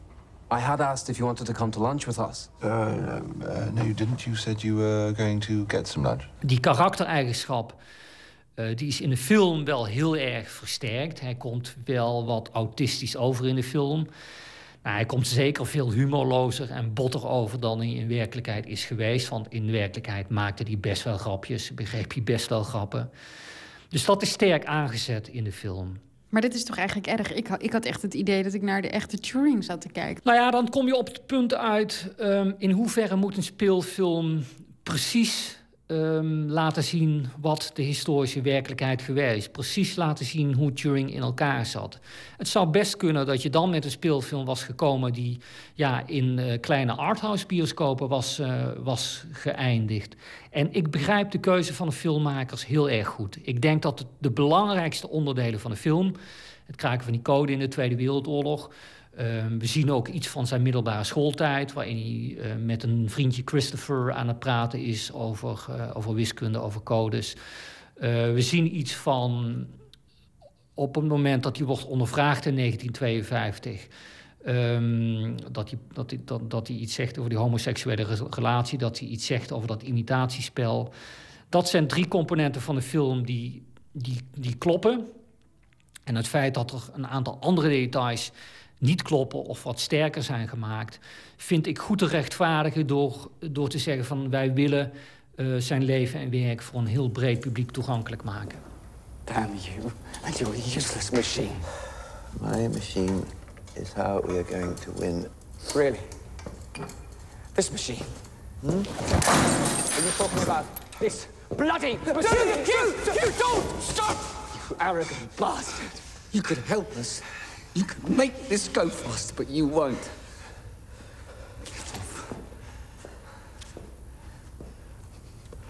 My machine will work. Vind je het daarom ook acceptabel dat er eigenlijk bijna geen wiskunde in de film zit? Ik begrijp nog steeds heel weinig van zijn theorieën. En wat hij nou eigenlijk um, precies heeft gedaan, behalve dan dat hij de grondlegger is van de computer. Nou ja, wiskunde is gewoon niet een foto- of filmgeniek uh, activiteit. En Turing, we zien hem in de film, zien we hem bijvoorbeeld bezig met zo'n elektromechanisch apparaat, een bombe. Dat is zeg maar het apparaat dat de Engelsen gebruikten om te proberen om die Engelse code te kraken. Nou, we zien Turing in die film echt fysiek bezig met dat apparaat. Nou, dat is in werkelijkheid niet zo, niet zo geweest. Hij was wiskundige. Hij was bezig met hoe kunnen we een, een, een wiskundig bouwwerkje ontwikkelen om die code te kraken. Maar er waren andere mensen die die, die, die machine bouwden, die die machine onderhielden. Maar goed, iemand die met pen en papier bezig is om te proberen te achterhalen van hoe je die code kunt kraken, dat is heel weinig fotogeniek. Dus ik vind het volkomen gerechtvaardigd om Turing fysiek bezig te laten zijn met, met die machine. En ik denk best dat de huidige filmkijker wel kan bedenken dat er een aantal dingen zijn veranderd ten opzichte van de werkelijkheid. Maar wat jij nu zegt, nu, nu kantelt mijn beeld helemaal. Want het hele verhaal van de film is dat hij de enige was die in die machine geloofde. Verder wilde niemand wilde het hele ding aanraken. Nu zeg jij, er zijn meerdere mensen geweest die dat ding gebouwd hebben. Ja, sterker nog, de, de, de groep mensen die uh, bezig was met het bouwen van die machine... die was ook echt wel groter dan de, het handvol mensen die wij in de, in de film zien. Um, ja, dat, dat, kijk, je, je kunt niet de hele uh, Bletchley Park geschiedenis in een film van, wat is het, 100 minuten vatten. Tijdens de hoogtijdagen van dat codekraken op Bletchley Park. Bletchley Park is een, is een uh, plek in Engeland, ongeveer tussen Cambridge en Oxford in. Tijdens de hoogtijdagen werkten daar 10.000 mensen. Overigens, waarvan 75% vrouwen. Um, daarvan is ook maar een klein deel in de, in de film te zien. Um, dat, ja, dat, dat zijn dingen die dan natuurlijk uh, niet allemaal in, uh, uh, in naar voren komen. Maar wat mij betreft is dat, ehm, is dat gerechtvaardigd. We moeten misschien nog even de rollen verdelen. Want ik ben, ik ben hier officieel de filmliefhebber en jij bent officieel de wiskundige. Ik had dit gesprek heel anders verwacht. nou, kijk, als je het, het, uit, het uitleggen van hoe je die code kraakt is een moeilijk stukje wiskunde. Ik bedoel, dat kun je misschien uh, aan, aan bovenbouw, middelbare school, kun je, kun je dat duidelijk maken. Uh, dat is niet zo makkelijk in een film te doen. Mensen die echt willen weten van hoe dat is gebeurd... er zijn boeken over volgeschreven die dat uitleggen. Maar het is een moeilijk stukje wiskunde. Could machines ever think as human beings do? Most people say not. You're not most people. Well, the problem is you're asking a stupid question. I am? Of course, machines can't think as people do. A machine is different from a person. Hence, they think differently. The interesting question is just because something uh, thinks differently from you, does that mean it's not thinking? Wat zou hij er zelf van hebben gevonden, denk jij? Dat is een interessante vraag. Ik ben bang dat hij. Ja. Dat hij daar toch wel sceptisch tegenover zou hebben gestaan. Ik, ja, het was natuurlijk ook een tijd waarin uh, film nog niet zo'n heel groot massamedium was. Ik denk ook dat hij helemaal niet zo in de aandacht had willen staan. Zo'n man was het, was het helemaal niet. Um, het blijft voor mij een beetje koffiedik kijken. Heb jij een idee hoe die daar tegenover had, uh, had, had gestaan? Nee, die man is nu voor mij echt één groot raadsel. Ik snap er helemaal niks meer van. Nou ja, dat, dat, uh, op zich is dat heel erg goed, denk ik, wat je nu zegt. Want de, de, de biografie over Turing, die heet niet voor niks Die Enigma... omdat Turing zelf ook een beetje een raadsel is gebleven. Dat, dat, dat is natuurlijk zo. Hij heeft... Um, als hij zelfmoord heeft gepleegd wat ik denk zeer waarschijnlijk is, dan weten we weinig over de redenen waarom. Ik bedoel, hij heeft geen afscheidsbrief achtergelaten. Ja, verder heeft Turing, was, was er niet de man naar om ontzettend veel persoonlijke dingen los te laten. Dus dat maakt het raadsel inderdaad alleen maar groter. What is the point of, of, of different tastes, different preferences, if not to say that our brains work differently, that we think differently? And if we could say that about one another, then why can't we say the same thing for brains built of copper and wire, steel? And that's this big paper you wrote. What's it called? The Imitation Game.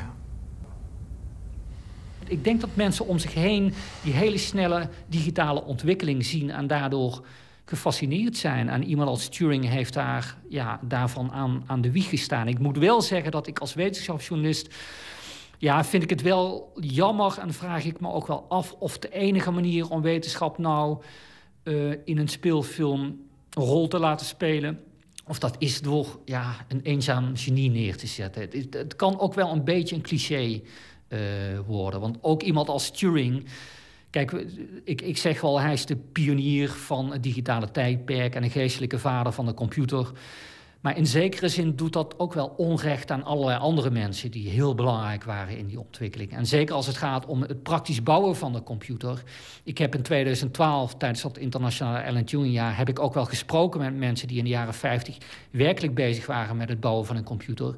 En een flink aantal van die mensen die had toen echt nog nooit gehoord van de naam Turing. En zoals ik ook al zei, van hij was natuurlijk niet de enige die verantwoordelijk was voor het kraken van die code. Dat was echt teamwerk, waarin Turing wel belangrijk was, maar zeker niet de enige.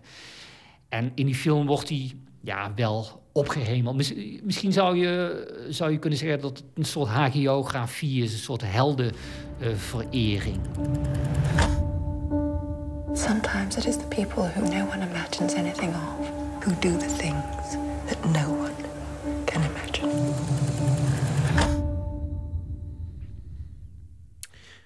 Misschien klopt dus uh, niet alles, maar wel een uh, spannende film en een uh, mooi eerbetoon aan Turing. The Imitation Game vanaf morgen te zien in de bioscoop. Wetenschapsjournalist Benny Mols was al wezen kijken. En hij is ook schrijver van het boek Turing's Tango. Een soul-legende met een prachtige stem, maar uh, helaas, het leven bracht hem weinig geluk. Hij werd manisch depressief en zijn carrière die wilde op vele punten niet echt vlotten.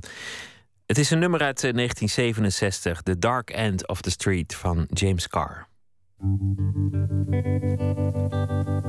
At the dark end of the street That's where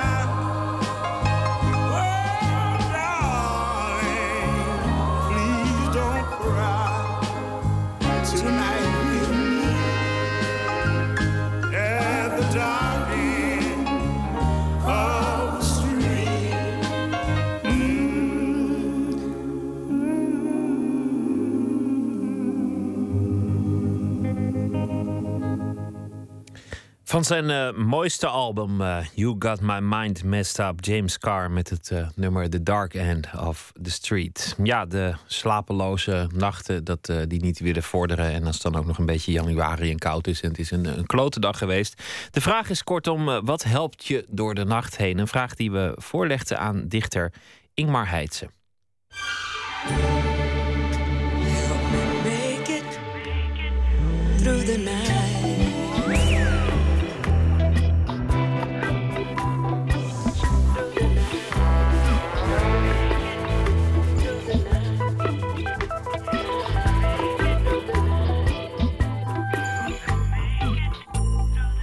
Gaan weken voorbij dat ik, dat ik toch elke nacht wakker word van, uh, van, van, van gehuil van een kind. En dat ik, dat ik met een slapend kind in mijn, in mijn armen zit. En dan ga, dan ga ik maar even uh, achter mijn bureau zitten. En dan ga ik kijken in het grote Gregory Coots, fotoboek. Het boek is zo groot dat het in geen enkele kast past. En dat betekent dat het meestal ergens in de buurt van mijn bureau op de grond ligt. Of op mijn bureau zelf. Dus het is er eigenlijk altijd. Ik hoef, ik hoef het nooit te zoeken, want ik struikel er, al, ik struikel er al, altijd over.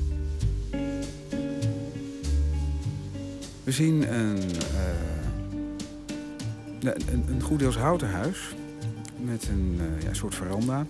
En daarop, uh, blijkbaar heeft het gesneeuwd. Er is een hoop sneeuw geruimd. Dat ligt een beetje uitgezakt tegen het huis aan. en je ziet een raam, eigenlijk een, een, schuifraam. En daar zie je een slaapkamer. En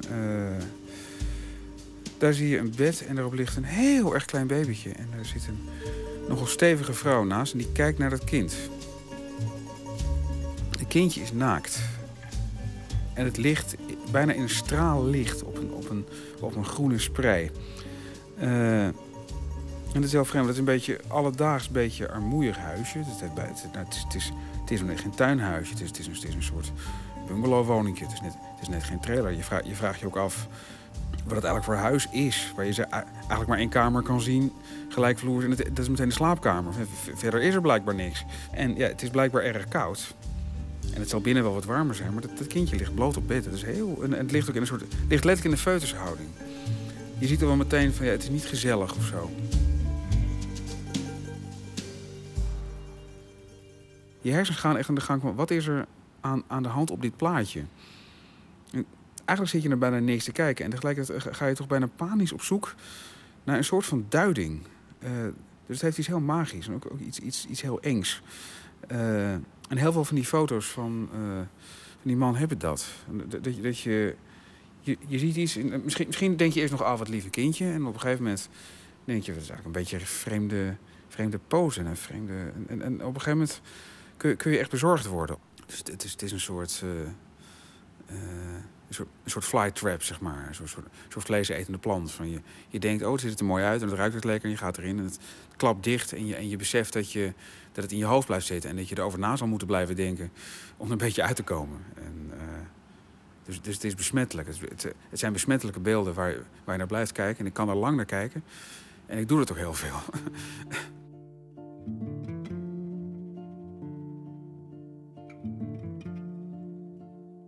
heel veel uh, kunst die ik mooi vind, uh, uh, laat me een, een, een, andere werkelijkheid zien. houdt me iets anders voor dan waar ik ben. En, dus het neemt me mee naar een andere plek. Dat, dat is eigenlijk wat ik een grote kwaliteit vind. Dat, dat, dat is wat ik troostrijk vind.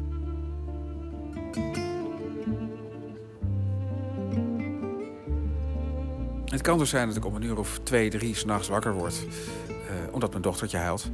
En uh, vooral de laatste weken, omdat mijn, omdat mijn vriendin verkouden is en niet zoveel hoort tijdelijk, ben ik degene die wakker wordt. Uh, normaal gesproken is zij het altijd, dus uh, ik, ik, heb nog een vrij goede deal aan. Maar goed, meisje huilt en meestal is het dan het beste om er even uit te halen en, en, en vast te houden. Dan valt ze meestal weer in slaap in je armen. Wat eigenlijk het mooiste ongeveer is wat er is. Maar ook al is het mooiste wat er is, op een gegeven moment zit je dus met zo'n kind in je armen en ja, de tijd verstrijkt. En op een gegeven moment wil je het ook weer terugleggen. Maar je weet, als je dat te vroeg doet, dan wordt ze gewoon weer wakker. Dus ze moet even goed in slaap zijn. En uh, dan denk je, ja, zit ik dan? Dus meestal sluip ik dan naar mijn bureau en doe, en doe een heel klein nachtlampje aan. Dan sla ik het grote boek van Gregory Crutzen open. En dan ga ik naar die foto's zitten kijken. Dus, dus terwijl het kind als een soort aapje op een, uh, in me hangt te slapen... Bekijk ik die foto's en als ik dat al lang genoeg gedaan heb, dan kan ik er weer een beetje stoppen en weer verder gaan. het aardige is dat ik dan in mijn eigen wereld zit, waarin je, hoewel die heel mooi is en heel teder, zit je er ook in vast. Je kan niet denken van ik ga nou even wat anders doen. Want ja, je, je bent aan het zorgen voor een kind en dat is een ondeelbare activiteit. Daar moet je helemaal bij zijn.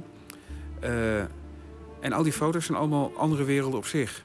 En daar kun je dan ook in. Alsof je een beetje aan het spijbelen bent van de wereld waar je, waar je zelf in zit. Uh, en als kunst ergens voor bedoeld is, is het daarvoor.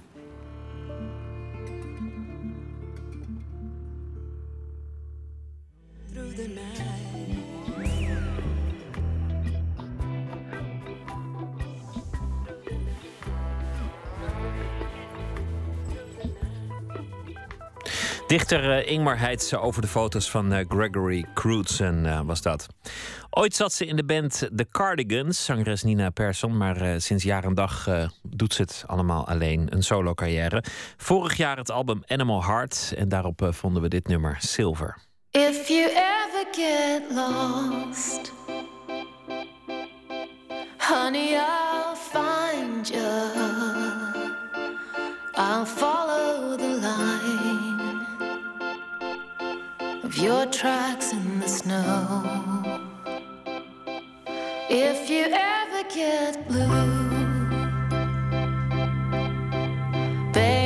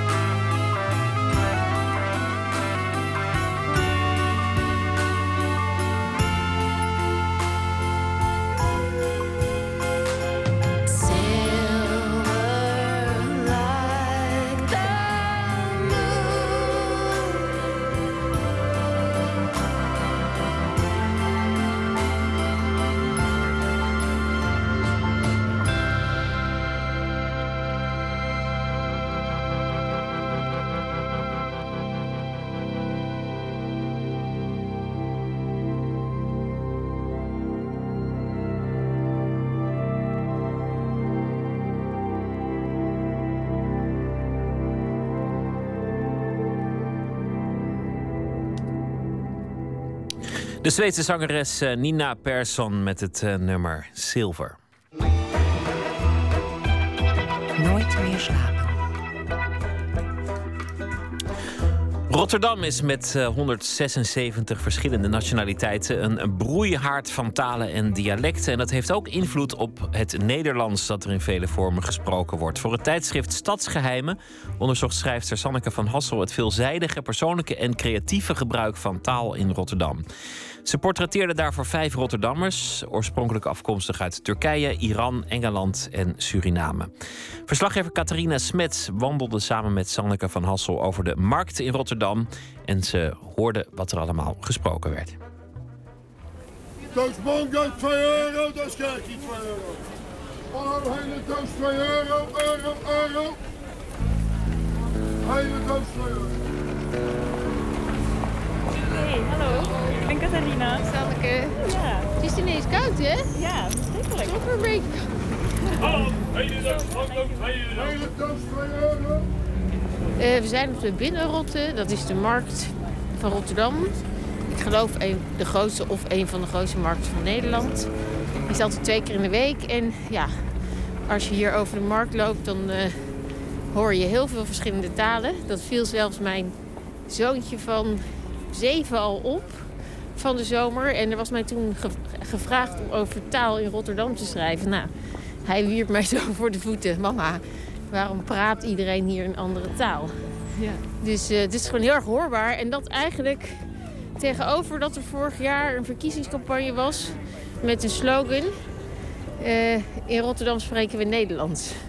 Ha, het is natuurlijk belangrijk dat mensen goed Nederlands leren, maar het is niet helemaal waar. Als je recht wil doen naar Rotterdam, moet je zeggen: in Rotterdam spreken we heel verschillende talen. En dat het ook mooi is en bijzonder. En iets zegt over de stad. Nou ja, dus het is eigenlijk voor mij een aanleiding geweest om te gaan schrijven over taal. Welke is nieuwe? Deze Lulu. Deze Ja, is voor vrouwen. U bent een, een geboren en getogen Rotterdamse? Ja, ja, ja, ik ben eh, geboren op de Matennesserlaan. Mijn hele familie komt er vandaan en ik zat op de middelbare school, dus ik ken het wel heel goed. Is het een eh, bijzondere slag mensen, Rotterdammers? Nou, dat weet ik, vind ik moeilijk om zo te zeggen, maar ik heb wel het idee... dat Mensen zeggen eh, dat het vrij de nuchterheid en praktischheid wel iets Rotterdams is. Maar ook wel niet exclusief. Misschien zullen we eens over de markt wandelen. 25 of 20? Hoeveel kost het? Ik weet niet, of 25 of 20. Maar ik denk 20. Kom 20. Wil je 20? Nee, 15. Vrouw is slim, hè? In Rotterdam denk ik dat je opvalt dat het hele eh, multiculturele, hele gekleurde stad is. En het is een hele jonge stad. Er woont dus de jongste bevolking van Nederland. Het heeft de laagst opgeleide bevolking van alle grote steden van Nederland. Dus je zou kunnen zeggen het is volks. Ik denk je dat ook wel een beetje ziet. Er zijn niet zoveel hele chique winkels in Rotterdam. Er zijn weinig boekhandels. Ja. Eh, het cu- het culturele en intellectuele leven is, is, is van alles te doen. Maar het is wel minder dan in... Ik heb bijvoorbeeld in Utrecht gestudeerd. Het is wel minder. En toch heeft u ervoor gekozen om hier te wonen? Daar gaat misschien mijn taal ook uiteindelijk over. Dat is omdat ik dat, eh, daar me prettig bij voel. Omdat ik daarin ben opgegroeid. Dus dat is wat je kent. Dus dat is, je gaat naar buiten en je bent schrijver, maar dat interesseert eigenlijk niemand. Dat vind ik dan wel weer verfrissend en misschien ook wel gezond. Tijdkaart, hè? Ja, oké. Hoe laat beginnen? Half zes? Nee, allemaal wachten. En, ik doe, en ik doe het zo, als je de kaarten geef ik me een joet mee, voor een paar biertjes tot die eerder weggaan. Oh, wat een dag vandaag. We kijken uit over de markt. En wat zou je kunnen zeggen? 50% klassieke, blanke Nederlanders, zeg maar? Of, eh, Het is nu heel koud. En ik denk dat het, misschien is dat een voordeel. Maar ik denk dat heel veel allochtone mensen daar nog sneller last van hebben. Alle mensen bij wie ik van stad bij wie ik ben geweest, hadden het toch wel over als het hier zo koud kon zijn. Dat blijft. Ook al ben je al een meisje op haar tiende uit Turkije was gekomen, nog steeds vond ze het nu hier koud. Dus misschien is het vandaag niet helemaal een representatieve dag. Het is normaal hier ook, het ziet hier ook letterlijk dan zwart van de mensen. Maar nu is het wat eh, opener. en veel eh, handtassen. Veel handtassen van twijfelachtige herkomst. ja. U hebt vijf mensen uitgekozen om eh, een portret van te maken. Hoe bent u bij die vijf mensen uitgekomen? Ehm, ik ben eigenlijk gewoon begonnen. Ik dacht, ik zoek mensen die Nederlands op latere leeftijd hebben geleerd. En daarin wil ik een aantal verschillende voorbeelden. Ik ben begonnen met een, een, een vrouw uit Turkije. Ik vond het leuk dat het een vrouw was die gewoon haar hele leven thuis is gebleven. Heel veel voor de kinderen, voor de ouders, voor de schoonouders, voor iedereen heeft gezorgd. Maar ook heel veel wilde vertellen. Heel slim is. En als kind eh, mocht ze niet meer naar school van haar ouders. Want dat mocht in, Turkije naar de middelbare school. Maar dat, vond ze vreselijk om daar weer terug te zijn. Dus ze mocht wel terug naar Nederland. Maar toen vond ze het onzin dat zij verder zou leren. Waar was dat nou goed voor? En zij werd de tolk van de hele buurt. Toen dacht ik daarna, oké, wie zal ik dan nu aan het woord laten? Nou, toen ben ik iets totaal anders. Een Engelsman eh, die, op later, die op latere leeftijd, 32, 33, dacht... ik wil mijn leven veranderen. En met Nederlands in aanraking was gekomen. Ik dacht, nou, ik ga gewoon Nederlands studeren. Dat is ook uitzonderlijk, hè? Ja.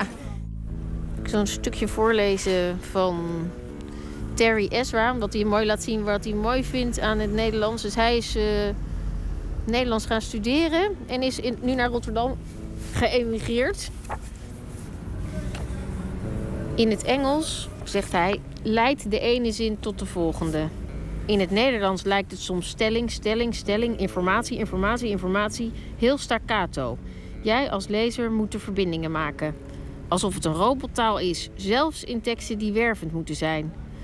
Maar het kan zijn dat ik nog altijd iets niet zie als buitenlander. Dat Nederlanders iets invullen. Dus het gaat over dat hij Nederland heel kort, zakelijk en direct vindt. Maar later zegt hij dan wel, en dat ook wel moeite mee heeft... er, er wordt heel veel herhaald volgens hem. Later zegt hij... Ik vertaal vaak zakelijke brieven vanuit het Nederlands in het Engels. Ik vind die vaak heel erg mooi. Vooral juridische brieven, die zijn zo precies. Ze hebben een soort symmetrie en een duidelijkheid, terwijl in het Engels heb je vaak een vaag bla bla bla verhaal. Welcome to the human race. Mess. Valt het u op dat ik moeite moet doen? Dat ik een beetje onnatuurlijker praat? Ehm nee. ah, dan, is, dan is het goed. Want ik praat iets formeler tegen u. Ja. Omdat u Nederlandse bent? en Ja, omdat nee, dat een denk ik dat ik dat wel weet. Ik, maar dat, ja, dat weet ik wel. Dat weet ik wel, omdat ik wel ook met mensen uit Antwerpen bijvoorbeeld ben geweest. En Ja. dan weet ik dat ze heel anders spreken. Dat Ja. klopt, dus in die zin weet ik het wel. Ja, Ja. Ja, dus er zijn altijd wel bepaalde jargons die je gebruikt in bepaalde Nee, maar situaties. zelfs dat ik al een paar keer nu in dit gesprek heb gedacht... ik moet een ander woord gebruiken, want misschien weet je dat niet. Is dat Ja. te Nederlands? Of bijvoorbeeld als ik zeg VMBO, dan denk ik... oh, weet jij wel wat voor opleiding dat is? Terwijl Nee. elke Nederlander weet, gaat hier altijd over VMBO. Dat zijn hele moeilijke leerlingen. Want Dus mensen passen zich eigenlijk heel de tijd aan, hè? Ja, en je doet daarin allerlei veronderstellingen. Dus ook dat je denkt, oh, iemand zal dit wel niet begrijpen. Maar je zegt natuurlijk ook heel veel waar je waarschijnlijk niks van begrijpt. Waarvan je zelf denkt dat die ander dat wel begrijpt. Mhm. Als je de zinnen zou opschrijven, zou je precies begrijpen wat hij zegt. Maar je, je, je kent de manier waarop hij de uitspraak herken je niet. Dus als iemand Limburgs tegen mij spreekt, dan moet ik heel goed luisteren. Mhm. Terwijl hij misschien dezelfde zinnen zegt als mijn moeder. Maar ja, de muziek van de taal. Of de... Ja, de muziek is heel belangrijk, hè? Ja. Ja. En dat vind ik eigenlijk heel erg leuk. Ehm, dat is ook als je hier over de markt loopt en je gaat luisteren, klinkt het heel erg mooi omdat het zoveel verschillende ehm, melodieën door elkaar zijn. Moet even in de auto zetten? Dat is bon, dat is 2 euro, dat is kijk 2 euro. Misschien al niks lekkers. Dat is 2 euro, euro, euro. Dat ga ik halen. 2 euro, euro, euro. Het zuivere Nederlands, is dat aan het verdwijnen? Nou, ik weet niet of het er ooit is geweest. Kijk, als ik eh, het journaal van 30 jaar geleden of misschien 50 jaar geleden hoor, dan vind ik dat ook wel heel vreemd klinken. Is dat dan zuiver Nederlands? Ik, ik heb het idee dat er vroeger, als je naar het he- hele land kijkt, waren er waarschijnlijk meer dialecten dan nu. Omdat iedereen veel meer in zijn eigen streek bleef. Dus, want nu is het natuurlijk allemaal.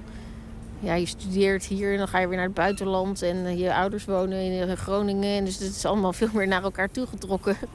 Als je een paar eeuwen teruggaat, dan was het ook helemaal niet zo dat hier één prachtig zuiver Nederlands door iedereen werd gesproken dat het hetzelfde was voor iedereen.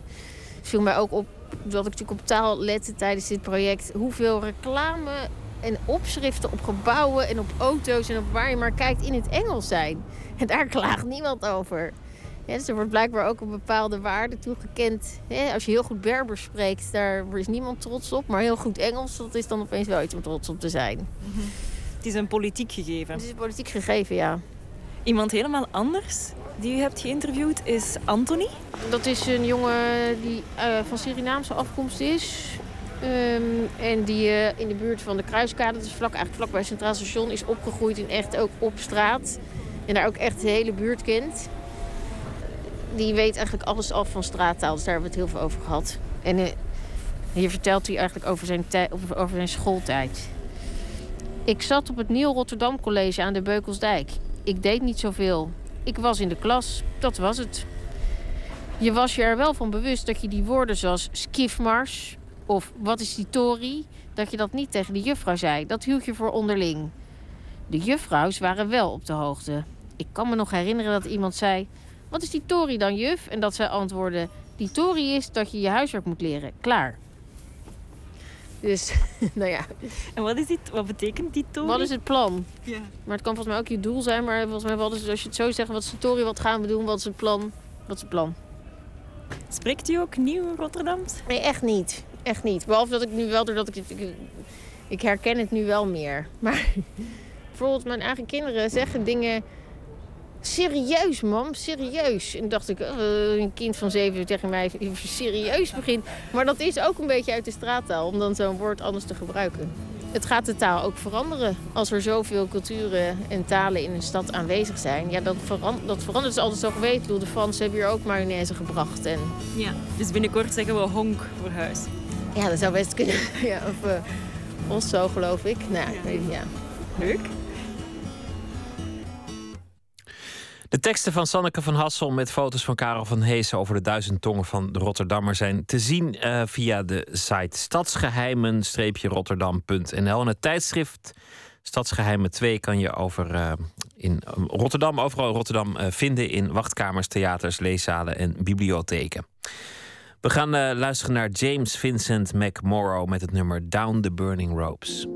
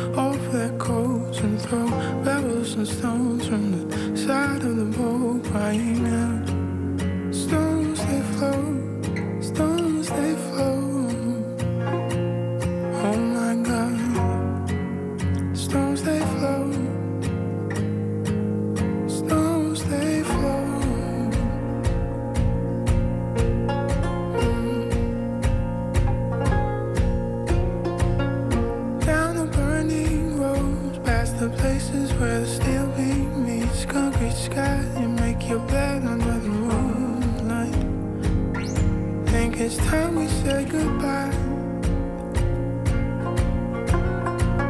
There's nothing moves in the warm air. The words that once would cut like a knife, they just hang in the clouds. And you're pushed by the Lord, but you're pulled by the crowds. And you're overboard,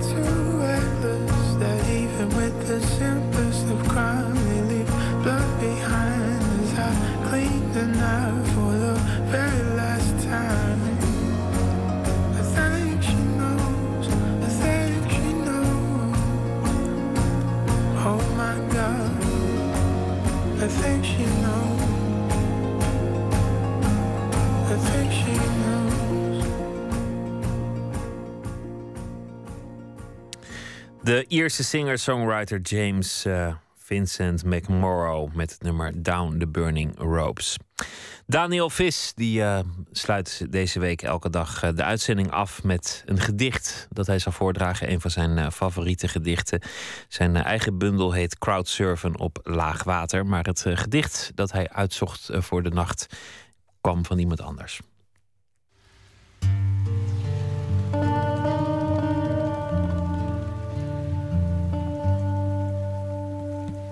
Dit uh, gedicht is van mezelf uh, en is mijn meest recente werk. En op een of andere uh, paradoxale en waarschijnlijk heel verkeerde manier... is je nieuwste werk altijd voor jezelf het meest interessant. vandaar dat ik dacht dat ik deze zou voordragen... als in het gedicht wat van mezelf op dit moment het meeste betekenis heeft.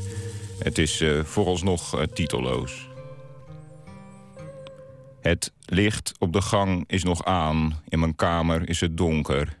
Ik lig in bed en kijk naar het raampje in de deur. Mijn vader staat aan de andere kant en maakt donkere figuren met zijn handen. Hij beweegt zijn vingers als een bek die open en dicht gaat. Ik weet dat hij op een gegeven moment wel rusten zal zeggen en stopt. De vrouw draagt een dunne latex handschoen. Ze staat recht voor me. Haar lichaam is ontspannen. Ze kijkt me rustig aan.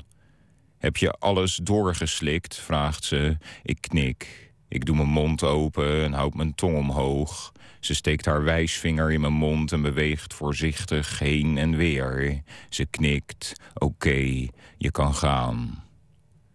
Veertig uur wakker. Ik lig zwetend op het bed. De nachtlamp in het plafond doet pijn aan mijn ogen.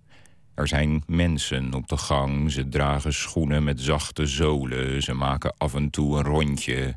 Kijken door het dikke glas hoog in de deur naar binnen.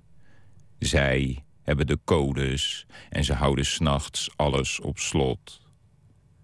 Mijn broer staat achter mijn bureaustoel en kijkt mee. Hij weet een site met foto's van crime scenes en lijken op de tafel bij de patholoog anatoom. Bij wurging zie je vaak blauwe plekken in de hals van het slachtoffer, zegt hij. Hij wijst, zijn arm raakt kort mijn schouder. Ik denk op de foto blauwe plekken te zien in de vorm van een hand. Op vaste tijden ruikt het naar eten. De lucht kruipt door de kier onder de deur. Mijn kaken staan strak op elkaar. Ik knijp mijn neus dicht. Ze komen langs. Iedereen die kan staan loopt op bleke sloffen de gang op. Sommigen hebben natte lippen. Ik weet niet of het gevaarlijk is. Een paar keer per week zetten ze plastic stoeltjes in een kring in de huiskamer. De plastic stoeltjes zitten kut. De gespreksleider gaat de kring rond. We moeten een kleur toekennen aan onze emoties. We mogen niet liegen. Rustig, zeg ik. Groen. De huiskamer staat vol met dingen die als wapen gebruikt kunnen worden. Er zit een insect in de afvoer van de wastafel in de badkamer. Ik weet zeker dat het nog leeft. Ik kan zijn pootjes horen op het PVC. Ik ga onder de wastafel zitten, leg een oor tegen de buis. Kom maar, zeg ik, kruip naar boven. Ik hoor voetstappen. De klink wordt vastgepakt, beweegt langzaam naar beneden. Het metaal klikt open. Ik zit naakt op de koude tegels. De douche staat keihard aan. Er staat een man op de overloop. We kijken naar elkaar. Ik maak een vuist, trek mijn mondhoeken en oogleden een beetje omhoog. Ik denk dat ik me wil wassen, zeg ik. Ik sta op blote voeten met een volle vuilniszak voor de container. Op het deksel zit een insect. Zijn voelsprieten bewegen langzaam heen en weer. Het kijkt me aan. Ik begin iets te zeggen, maar stop midden in de eerste lettergreep. Er klopt iets niet. Ik heb jeuk onder de oppervlakte van mijn huid. Dichter eh, Daniel Vis, die dus eh, wel degelijk zijn- zijn eigen werk uitkoos om eh, de nacht mee in te gaan. Morgen is eh, Nooit meer slapen er weer op dezelfde zender op dezelfde tijd. En dan komt eh, schrijver Ernest van der Kwast langs. En eh, straks Francisco van Jolen met De Nacht van Jolen. Ik wens u een goede nacht, morgen een leuke dag en graag weer tot dan. Op Radio 1, het nieuws van alle kanten.